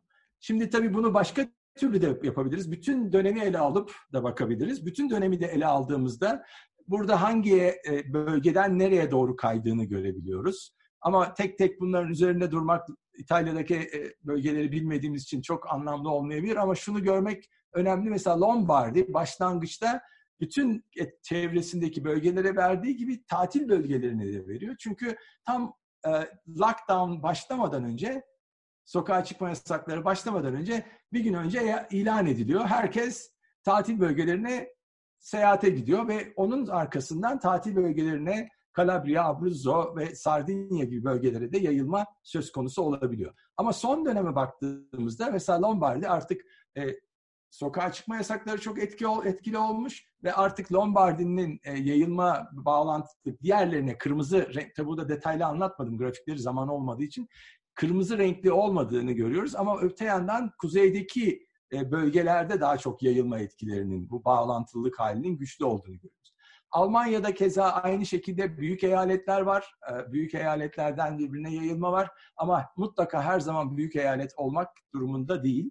Bunlara devam etmeyeceğim. Bu da Amerika verisi. E, bunun tek tek girebilmek çok kolay değil ama gördüğümüz nokta işte Georgia, işte New York böyle özellikle vaka sayısının çok olduğu ve çevre sıkı da önlem alam, almayan New Jersey burada çok önemli mesela. New Jersey'de çok ciddi bir yayılma ve bağlantılılık hali var hem New York'la hem diğerleriyle. Ama Georgia, Tennessee gibi eyaletlerde son dönemde önlem almayıp yayılma etkisini bir ölçüde katkıda bulunanlar. Şimdi burada biz neye bakıyoruz? Bir sonraki aşama aslında bu hareketliliğin daha fazla e, hareketlilik verilerini kullanaraktan analizi biraz daha derinleştirebilir miyiz diye bakıyoruz. O zaman bu bölgeler arası mesafe arttıkça bağlantılılık ya da yayılma etkisi diyebileceğimiz konu bunun azalması beklenir. Nitekim burada distance diye bunu gördüğümüz ve doğrudan bir azalma etkisini görüyoruz. Aynı şekilde yayılmanın ya da bağlantılığın, şokların bir ölçüde gidiş yönü daha çok nüfus yoğunluğunun olduğu e, e, bölgelerden nüfus yoğunluğunun az olduğu bölgelere doğru olması. Bu da artı olarak çıkıyor. Bir de hareketlilik verilerini kullanaraktan geriye doğru bakmak. Yani hareketlilik aslında bir eyalette çok hareketli, topluluk hareketliliği varsa o eyaletin önümüzdeki iki hafta içinde diğerlerine daha fazla bir e, vaka sayısına katkıda bulunabileceğini, oralara taşınabileceğini düşünebiliriz. Ama gördüğümüz ne? Burada hiçbiri anlamlı gözükmüyor. Neden? Çünkü burada bir lockdown var. Yani sokağa çıkma yasakları olduğu için zaten varyansı çok düşük. Birbirine çok benziyor ve bunlar aslında birin civarında. Hepsi bir oranları çok daha düşük.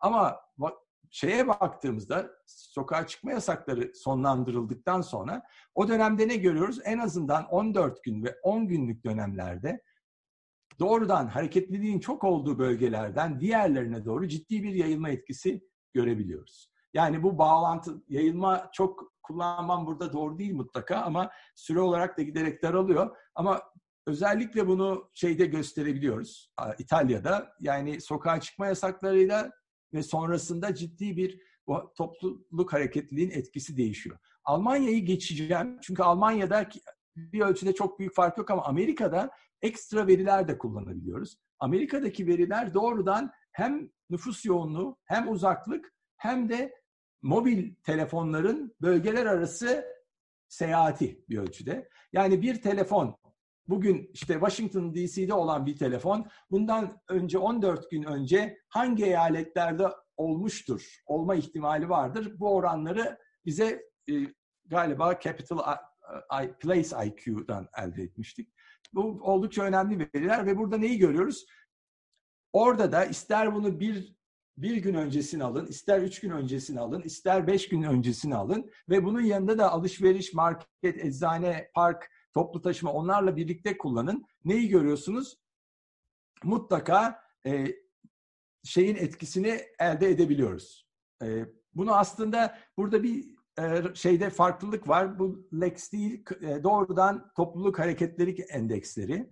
Buna baktığımızda topluluk hareketlilik endeksi bunlar. Ve öyle ele alın. Alışveriş, market, eczane, park, Amerika'da bunların hepsi yani hareketliliğin çok olduğu eyaletlerden diğerlerine doğru. Çünkü Amerika seyahatleri de doğru düz kısıtlamadı bölgeler arası. Ve burada hareketlilik endeksleri bir de Amerika'da çok iyi ölçülebiliyor diğerlerine göre. Ve ciddi boyutta bir etkisi var. Ama son grafiğe baktığımızda bu aslında yanlış labeling var. Burada Lex mobil data kullanımı burada söz konusu. Mobil data kullanımına baktığınızda da o iste şunları şimdi mobil data kullanımını aldığınızda mobil datayı kullanıyoruz mobil data aynı zamanda bu hareketlilik endekslerinde kullandığımızda böylece 7 tane denklem tahmin etmiş oluyoruz. Ve 7 tane denklemde de hepsinde de mobil telefonların etkisi kendisini gösterebiliyor. Yani burada vurgulamak istediğim aslında zaman olarak da çok fazla biraz geciktik. E, bir, neyi görüyoruz? Evet, eyaletler arası ya da bölgeler arası bağlantılılık, yayılma etkisini görebiliriz. Ve bu tek başına bir e, Türkiye için de bunun elde edilmesi çok doğru olurdu. Nitekim Sağlık Bakanı iki gün önce İstanbul, Ankara, İzmir'de vaka sayısı azalıyor ama Güneydoğu'da Doğu'da artıyor gibi bir bilgiyi paylaştı. Şimdi bu bilgiyi paylaşmasının bu bilgi ellerinde olduğunu hepimiz biliyoruz. Ama bunu bizim gibi e, bilim insanları, akademisyen ya da doğrudan bu konularda çalışabilecek insanlarla paylaşmaları ve sonuçta neyi görebiliriz? En azından bölgeler arası geçişkenliği, bölgeler arası yayılma etkisini görebilmemiz mümkün. Ve bu da tabii ki sadece vaka sayısına bakmanın ötesinde de bir ön bilgi. Çünkü vaka sayısı azalsa da vaka sayısı çok hızlı azalabiliyor gördüğümüz gibi. Ama mesela bağlantılılık endeksi o kadar hızlı aşağı gelmiyor. Çünkü eyaletler ya da bölgeler arasındaki e, vaka sayısındaki değişim beraber hareket ediyor bir ölçüde.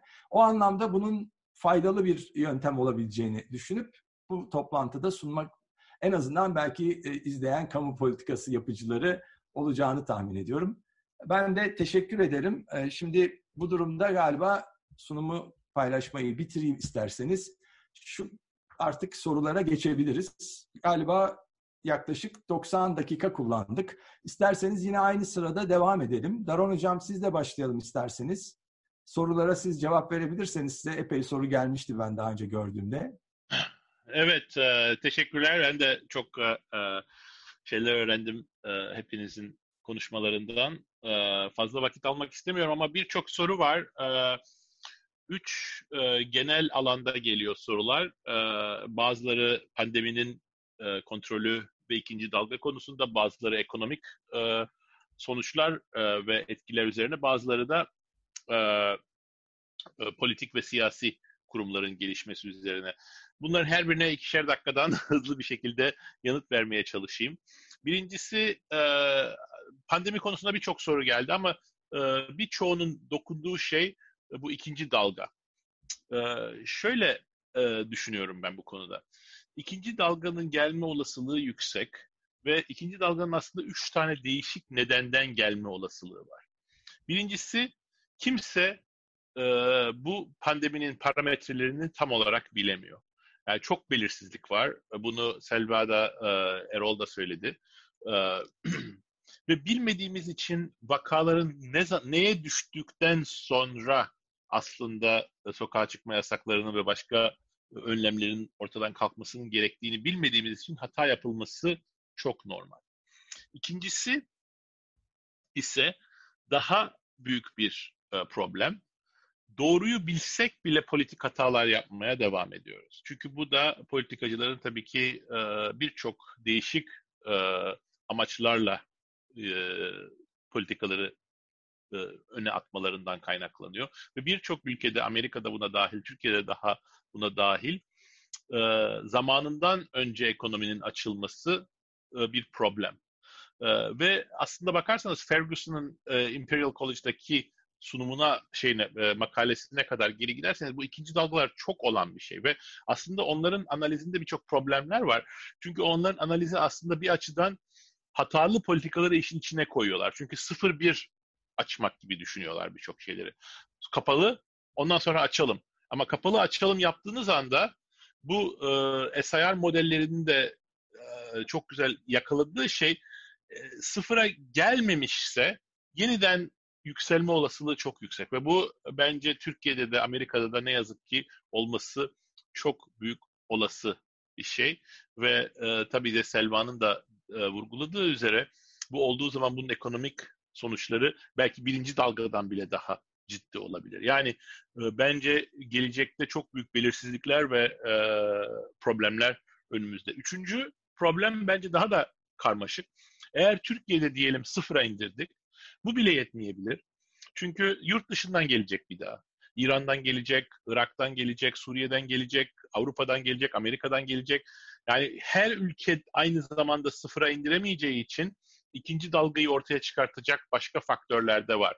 Bunu da e, eğer kontrol etmek istiyorsanız aynı e, Erol'un da vurguladığı üzere test kapasitesinin çok arttırılması ve enfeksiyonların iyi takip edilmesi lazım. Eğer belli bir düzeye, düzeye düşürdükten sonra testleri yeterince doğru şekilde kullanabilirsiniz ki burada bir tek e, PCR değil aynı zamanda serological testleri de kullanmak lazım.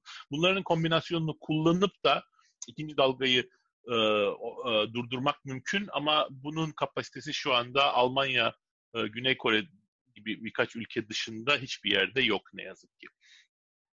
Evet ekonomiye gelince e, orada çok değişik sorular vardı. Hepsine ne yazık ki hepsi çok güzel sorular. Ne yazık ki hepsine yanıt veremeyeceğim. Ama e, bir e, örneğin Hazal Özlem Güneş'ten gelen bir soru vardı. Sistemik ne kadar sistemik bu kriz? Aslında asıl soru, soru o. Çünkü yap, burada yapılması gereken politikalar aslında bu krizin sistemik hale gelmesini önlemek için olan politikalar. Eğer düşünürseniz şu anda e, Amerika'daki piyasalar niye e, ufak bir düşüşle yine artışa geçti? Çünkü belki çok optimist bir şekilde bu krizin sistemik olmadığını düşünüyorlar. Amerikan ekonomisinin durumuna bakarsanız e, ülkenin %30'ına, %40'ına her ay 1200 dolar verme kapasitesi bir sene daha var. Çok rahat, hiçbir problem olmadan. Ama bunlarla, bu böyle e, politikalarla bu krizin sistemik hale gelmesini durdurabilir misiniz? Soru bu. Bunu kimse bilmiyor. Çünkü e, hangi sektörlerin geri geleceğini bilmiyor. Eğer e, restoranlar, barlar, turizm, e, e, AVM'ler, e, şeyler, süpermarketler bunların hiçbiri geri gelmezse bunlar tedarik zincirinin o kadar büyük bir parçası ki bu sistemik e, yapısını krizin önlemek çok daha zor olabilir. Yani bu yüzden de ikinci dalganın gelmemesi ve ikinci dalganın doğru bir şekilde e, öne önlemlerle e, e, e, e, şey uygulanması aslında çok önemli. E, üçüncü konuya gelince de geleceğin e, politik sistemleri. Bu konuda e, Kaan, Gökmen, e, Aldoğan, Oya Özarslan'dan, e, İhsan Tunalı'dan birçok sorular vardı. Bunlar çok güzel sorular. İki cümle söyleyeceğim bu konularda. Birincisi, e, Çin'in yaptıklarına bakarsanız hem Çin'in en büyük zayıflıklarını hem en kuvvetli yanlarını görüyorsunuz. Yani eğer Çin sistemi başında daha açık olsaydı bu konudaki bilgiler daha hızlı ortaya çıkardı. Enfeksiyonlar e, salgın haline gelmeden belki durdurabilirlerdi. Bunlar zayıflıkları. Ama aynı zamanda şu anda otoriter sistemler aslında e, e, bazı e, örnekler dışında fena e, yapmadılar. Çünkü otoriter e, yapılarını kullanarak özellikle bürokrasi içindeki e, e, zinciri kullanarak Çin gibi e, yerlerde çok hızlı bir şekilde buna yanıt verebildiler. Ve bu da e, birçok ülkenin aslında dünya e, e, politik dengesinde Çin gibi otoriter sistemlere daha sıcak bakmasına yol açıyor. Ve benim de e, örneğin İnsan Tunalı'nın da sorduğu yani niye bu dinamikler dar koridorun içinde ya da Kızıl Kraliçe dediğimiz şey e, dinamiklerin olması mümkün mü, nasıl olurlar? Bunlar aslında bizim e, daha çok daha fazla vakit olsaydı biraz daha detaylı olarak e, irdelemek, e, tartışmak istediğim şeyler ama daha fazla vakit almak istemiyorum. Ama bizim kitapta anlattığımız, e, anlatmaya çalıştığımız, vurgulamaya çalıştığımız noktalar bunlar. Eğer yani çok basit düşünürseniz aslında bu bir hatalı düşünme şöyle olabilir. Gelecekte daha fazla pandemiler olacak. Küreselleşmiş dünyada devletlerin daha fazla rol oynaması lazım. Bu yüzden e, devletin sorumluluklarının artması lazım. Bu da bizi normal olarak otoriter bir geleceğe götürecek. Bizim kitapta vurguladığımız da o ki bu aslında doğru değil. Çünkü devletin gücünün ve sorumluluklarının nasıl arttığı çok önemli. Eğer bunları demokratik önlemler alınmadan ve toplumun siyasetin içine aktif bir şekilde girmesini sağlamadan yaparsanız gerçekten otoriter bir geleceğe açar. Ama bunu yapmanın başka bir rolü de var ve aslında İkinci Dünya Savaşı ve Great e, Büyük Depresyon sonrası yapılan önlemler Avrupa'da aslında buna güzel örnek veriyorlar. Devletin sorumluluğu artarken aynı zamanda demokratik kurumları da geliştirebilirseniz çok daha değişik bir e, yol ortaya çıkıyor. Bu koridor dediğimiz yol da bununla çok alakalı ve bu süreç içinde devletin sorumlulukları artıyor ama aynı zamanda demokratik süreç ve toplumsal katılım olduğu için bu otoriter bir yöne gitmiyor. Ve bizim e, vurguladığımız ve benim e, kitapta vurguladığımız ve benim pandemi konusunda vurguladığım şeyler bunlar ki aslında bu pandemi sonrasındaki dünyada bu ikinci yol daha da önemli bir hale geldi. Çünkü otoriter devletlerin çözemeyeceği birçok problemler var ortada. Bir tek otoriterlere gideresek, Amerika'da olsun, İtalya'da olsun, Türkiye'de olsun aslında bu bizi çok yanlış yerlere götürür. Onun yerine bu koridora benzer hem toplumun hem devletin aynı anda kuvvetlendiği ve beraber çalıştığı bir yolu bulmak önemli bir hale geliyor. Çok fazla uzun yanıt verdim. Susuyorum şimdi. Teşekkürler. Selva Hocam. Ee, ben de bir iki tane soruyu cevaplamaya çalışayım. Ee, çünkü e, çok fazla soru var, eksik olmayın. Çok e, güzel sorular da var. Ee, bir tanesi arz etkisinin e, belirleyici olduğu sektörler diye sorulmuş. Onu hemen aslında göstersem şuradan. Mesela yani sonuçta biz arzı ne şekilde ölçüyoruz? Bu yayılma hızının ya da fiziksel temasın en yakın olduğu sektörlerde arz etkisinin de daha fazla olmasını bekliyoruz. Mesela sağlık sektöründe ya da işte restoranlar, gıda, oteller gibi sektörlerde Eğitimi aslında biz burada eski şeyle almıştık. Yani eğer uzaktan eğitim olmasaydı orada da arz etkili olurdu ama onu sonuçta uzaktan eğitime geçebildik. Ee, inşaat, işte sanat gibi toplu e, grupların beraber olduğu sektörlerde arzın etkisinin daha fazla olduğunu görüyoruz. Taleplerin hangi sektörlerde en çok talep ne, e, talebin en çok azaldığı sektörlerde hangisi diye bakarsak o da yine servis sektörü mesela başta geliyor. Çünkü arz azalmasa bile benim talebimi azaltacağım sektörler bunlar. Yani restoran, orada o restoran açık da olsa, otel açık da olsa sonuçta ben e, temkinli olmak adına e, gitmiyorum. E, ya da işte yine sanat, müzeler olsun, konserler olsun, oralara gidilmiyor. Kıyafetler, yani tüketim davranışlarımızda pandemi dolayısıyla en çok etkilenen sektörler olarak davranış biçimimizin değişmesi sonucundaki e, sektörleri e, görüyoruz. Bir diğer soru da e, sunumun başında politik önerilerimiz var demiştiniz ama onlara hiç girmediniz. Evet giremedim. Vakit olmadığı için e, giremedim ama evet yani sonuçta biz aslında bu kadar hesabı yapmamızın bir sebebi de e, eğer bu maliyet işte en ucuzundan gayri safi yurt içi hasta cinsinden 5.8'lik bir maliyetse bu maliyet nasıl karşılanabilir ve yaşanan ekonomik daralmanın en kısa hali nasıl getirilebilirdi? Şimdi Türkiye'deki açıklanan paket ilk başta işte 100 milyar TL'ydi. Daha sonra bu 260 e, milyar TL'ye kadar e, çıktı. O haliyle bile işte gayri safi yurt içi hasılanın yüzde beşi gibi e, sayılabilir. Fakat şu da var, bir taraftan da bizim dış borç ödemelerimiz devreye giriyor. Yani sunumumun aslında en başında gelişmekte olan ülkeleri etkileyen bir faktör olarak, gelişmiş olan ülkelerden farklı olarak bu iş bir borç krizine dönerse ne olur e, sorusuna geliyoruz. Çünkü borçlanma maliyeti yani evet e, yurt dışında Fed, ECB faizleri sıfıra düşürdüler ama bizim risklerimiz arttığı için borçlanma maliyetlerimiz de bir yandan artıyor. Risk iştahı çok düştü. E, o zaman ne tür bir politika önerisi olabilir? E, bizim önerimiz evet sonuçta yani beni kolay kolay ağzımdan para basmanın bir politik önerisi olarak söylemeyeceğimi biliyorsunuzdur ama e, bu tür olağanüstü bir durumda evet Merkez Bankası'nın para basması da e, kabul edilebilir. Ama olay sadece COVID-19 değil, bu işin sonrası da var, gelecek senesi var. O dönemler için riskleri azaltmak adına yani bir enflasyonda bir atak olmasını engellemek adına bu işin çok kurallarıyla yapılması, şeffaf bir şekilde yapılması ve TL arzını arttırırken de kurdaki değer kaybını engellemek için bir taraftan e, döviz arzını arttırmak lazım ki burada da bir e, uluslararası kuruluşla bir anlaşma yapmak gerekebilir. Burada durayım, diğer konuşmacılara da vakit kalsın. Teşekkür ederim. Evet, e, galiba süremizi aşıyoruz ama yine de 5 beş dakika kadar bir süremiz var. Hocam sizden.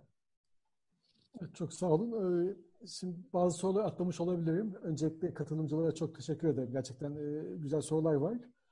E, fakat bu listede okurken bazılarını kaçırıyoruz galiba. O yüzden kusura bakmasınlar. Ben hemen e, bulabildiğim sorulara cevaplayayım. Nilüfer Kaya, Sağlık Bakanlığı'ndan güncel vaka verisi almak mümkün mü diye sormuş. Tam bilemiyorum. Ben öyle bir talepte bulunmadım. E, çünkü bu verilerin hani açık ortamda olması gerektiğini düşünüyorum. Ben açık ortamdaki verileri kullandım. Diğer ülkeler için de aynı şey geçerli. E, Deniz Bayhan diğer ülke verilerine modelin uygulanıp uygulanmadığını, diğer ülkelerdeki durumun bu modele göre ne olacağını soruyor. Maalesef diğer ülkelere uygulayamadım çünkü bu çok aslında veri yoğun bir çalışma. E, bayağı zahmetli o anlamda. Hani Selva Hoca biliyor, da biliyordur e, bunu. Onlar için aynı şey geçerli. Yani çok kolay değil. Yani o veriler olursa tabii ki uygulanabilir ama e, çok vakit alacağı için e, Türkiye'yi tercih ettik öncelikle. E, Hilal Maredit e, ekonomi verilerinin gerçek veri olduğunu fakat epidemiyolojik verilerin gerçek veri olmadığını, bunun bir sorun olup olmadığını e, sormuş. Aslında epidemiyolojik veriler de gerçek fakat diğer ülkelerin verisi yani hani diğer ülkelerdeki benzer bir durum olacağını varsayıyoruz. Özellikle yaş dağılımına ilişkin veriler diğer ülkelerin verisi. Fakat e, benim modelde bunu kalibrasyon sonucu bu parametreleri de değiştiriyorum tabii. Çünkü o verileri birebir Türkiye'ye uyguladığınız zaman Türkiye'deki e, vefat ve vaka e, grafiğini elde edemiyorsunuz. O yüzden kalibrasyonda orada bir e, değişiklik yapmanız gerekiyor. E, yine verilerle ilgili bir soru. E, bu yayınlanan vaka ve vefat verilerinin e, doğruluğu hakkında bir çalışma var mı e, diye güzel bir soru var. Şimdi kalibrasyonda benim kullandığım tabii ki Sağlık Bakanlığı'nın yayınladığı veriler. Onları hani ona göre kalibre ediyorum. Fakat bu kalibrasyonu yaparken iki faktörü göz önüne alıyoruz. Birinci faktör e, bu e, doğrulanan veri bunlar. Yani bir test sonucu e, doğrulanan veriler.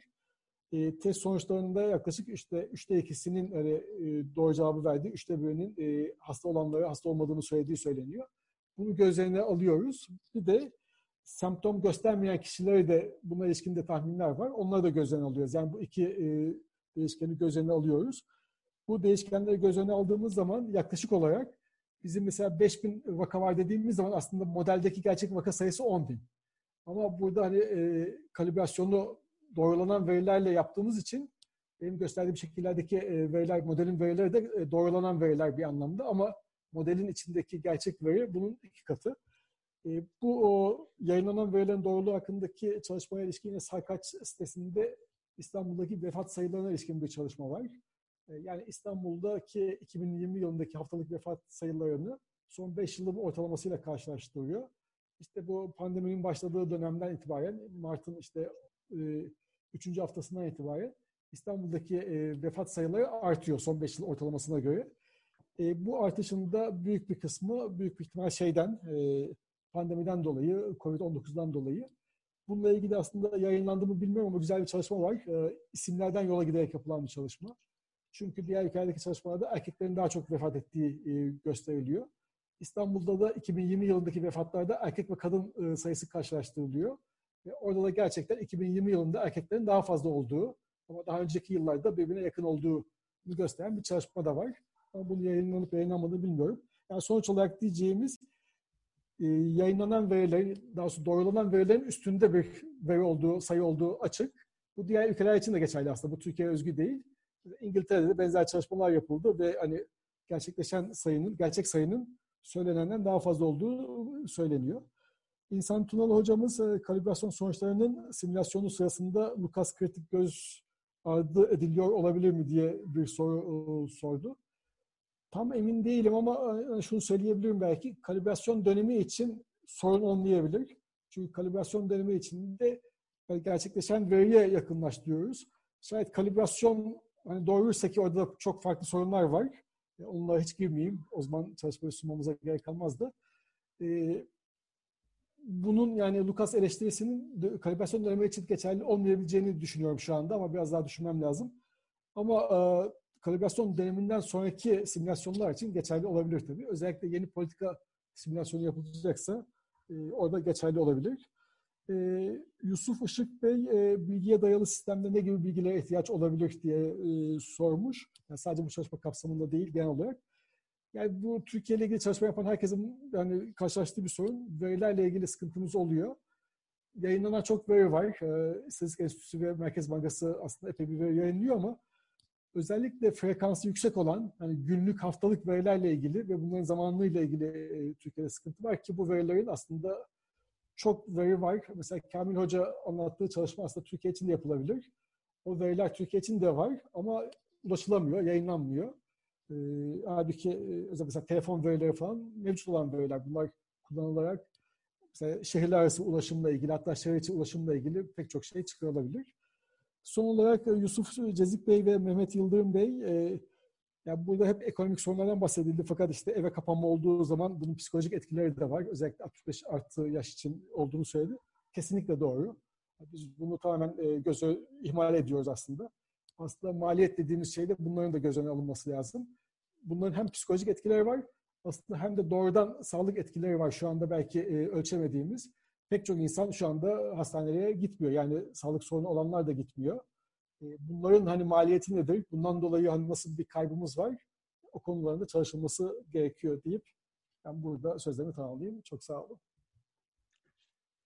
Ben de son konuşmacı olarak e, birkaç soruya cevap vermeye çalışayım. Çok fazla zamanımız kalmadı ama yani doğrudan salgın sonrası ülkemiz adına rekabet gücü, fırsat ve tehditleri hakkında ne düşünüyorsunuz demişler.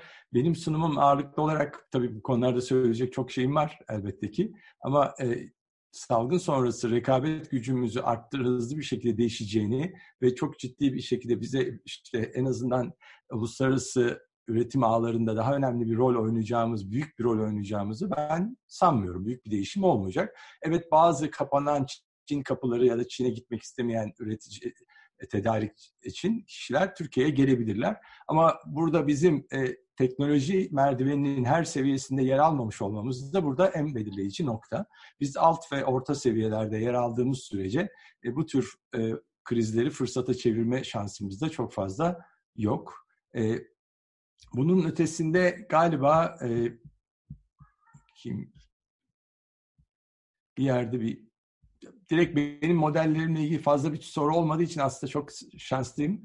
Daha önce er, e, bu arada Daron hocam sizin herhangi bir ekleyeceğiniz bir şey var mı sonra gelen sorulara? Şu e, bir e, Selva'nın da dokunduğu bir şeye ben de bir bir cümle daha eklemek istiyorum. Para politikası konusunda. Problem şu ki zaten ben de onu vurgulamak istiyorum da vakit olmadığı için yeterince açık olarak söyleyemedim. Şu anda para politikasının çok agresif bir şekilde şirketlere ve tüketicilere yardım etmesi gerekiyor. Bu Avrupa'da da yapılıyor, Amerika'da da yapılıyor.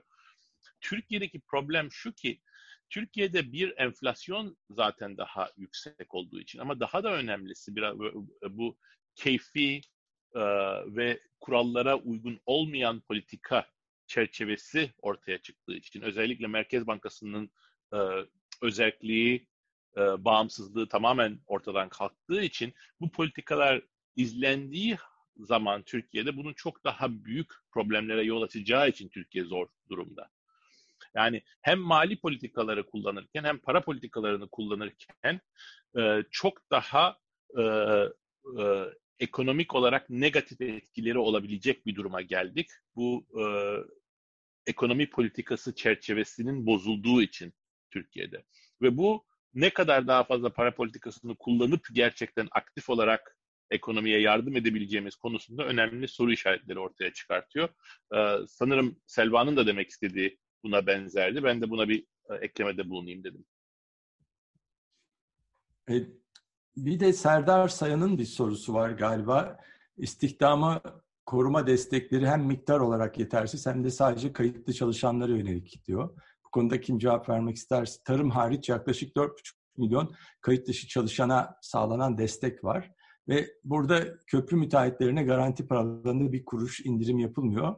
Çünkü destek sağlamanın politik maliyetini yeterince yüksek bulmuyor hükümet diyor. Yani burada e, elbette ki hükümetin yaklaşımı şu aşamada bir krize giderken daha Covid öncesi politikalarına da baktığımızda onunla da uyumlu. E, ondan önce de tamamen e, herhangi büyük bir krizde karşı ya da büyük bir şokla karşılaşacağımız beklenmeden var olan yedek akçelerde kullanıldı ve elimizde kaynak olabildiğince tükendi devletin kaynağı ve ama öte taraftan e, büyümeyin tekrar sağlanabilmesi için de kredi kanallarını kullanmayı tercih ediyor hükümet ve burada tabii aktif rasyosuyla ilgili de bir soru vardı. Ona da vurgu olması açısından ve bir ölçüde bankaları kredi vermeye zorlayaraktan bu işi yapmak. Çünkü Merkez Bankası'nın tek başına bunu yapabilmesi ya da para basaraktan bu işi götürebilmemiz işte ilk günah diyebildiğimiz, original sin diyebildiğimiz bizim paramızın geçmişten kaynaklanan bizim paramız kendi paramızda borçlanma kabiliyetimiz yok.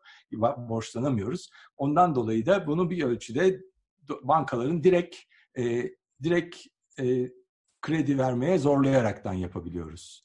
E, bu konuda belki başka eklemek isteyenler vardır diye düşünüyorum ama e, süremizi epey açtık. Belki birkaç dakika daha zamanımız var.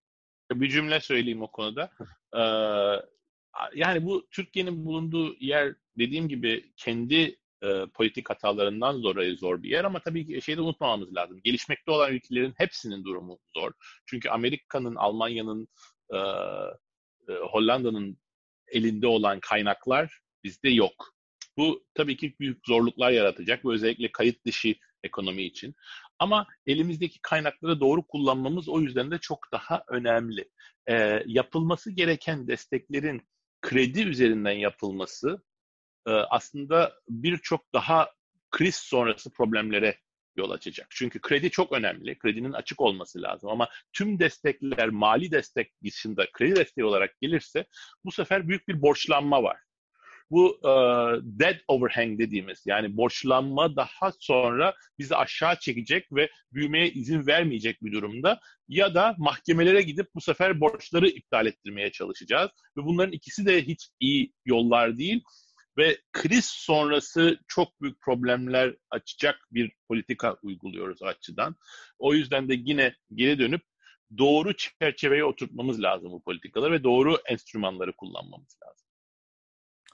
Evet, galiba e, epey çok soru var. Belki çok mutlaka konuşmak istiyorum diyen panelistlerimiz varsa bir dakika daha süre tanıyabiliriz. Ama epey zamanımızı aştık. E, Bilim Akademisi tarafından düzenlenen e, ekonomi webinarının sonuna geldik. Ben katılımcılara Daron Acemoğlu, Erol Taymaz ve Selva Demiralp'e çok teşekkür ediyorum. E, lütfen bizi yine webinarlardan ve sarkaç.org üzerinden takip etmeye devam edin. Bu konularda hem ekonomi, hem sağlık, hem sosyal bilimlerin diğer alanları da e, webinarlarımız ve çalışmalarımız olmaya devam edecek. Bizleri dinlediğiniz için teşekkür ediyorum. İyi akşamlar. Çok sağ olun. İyi akşamlar. Çok teşekkürler. Çok e, e, hep tüm katılımcılara herkese iyi günler, iyi akşamlar. İyi akşamlar. İyi akşamlar.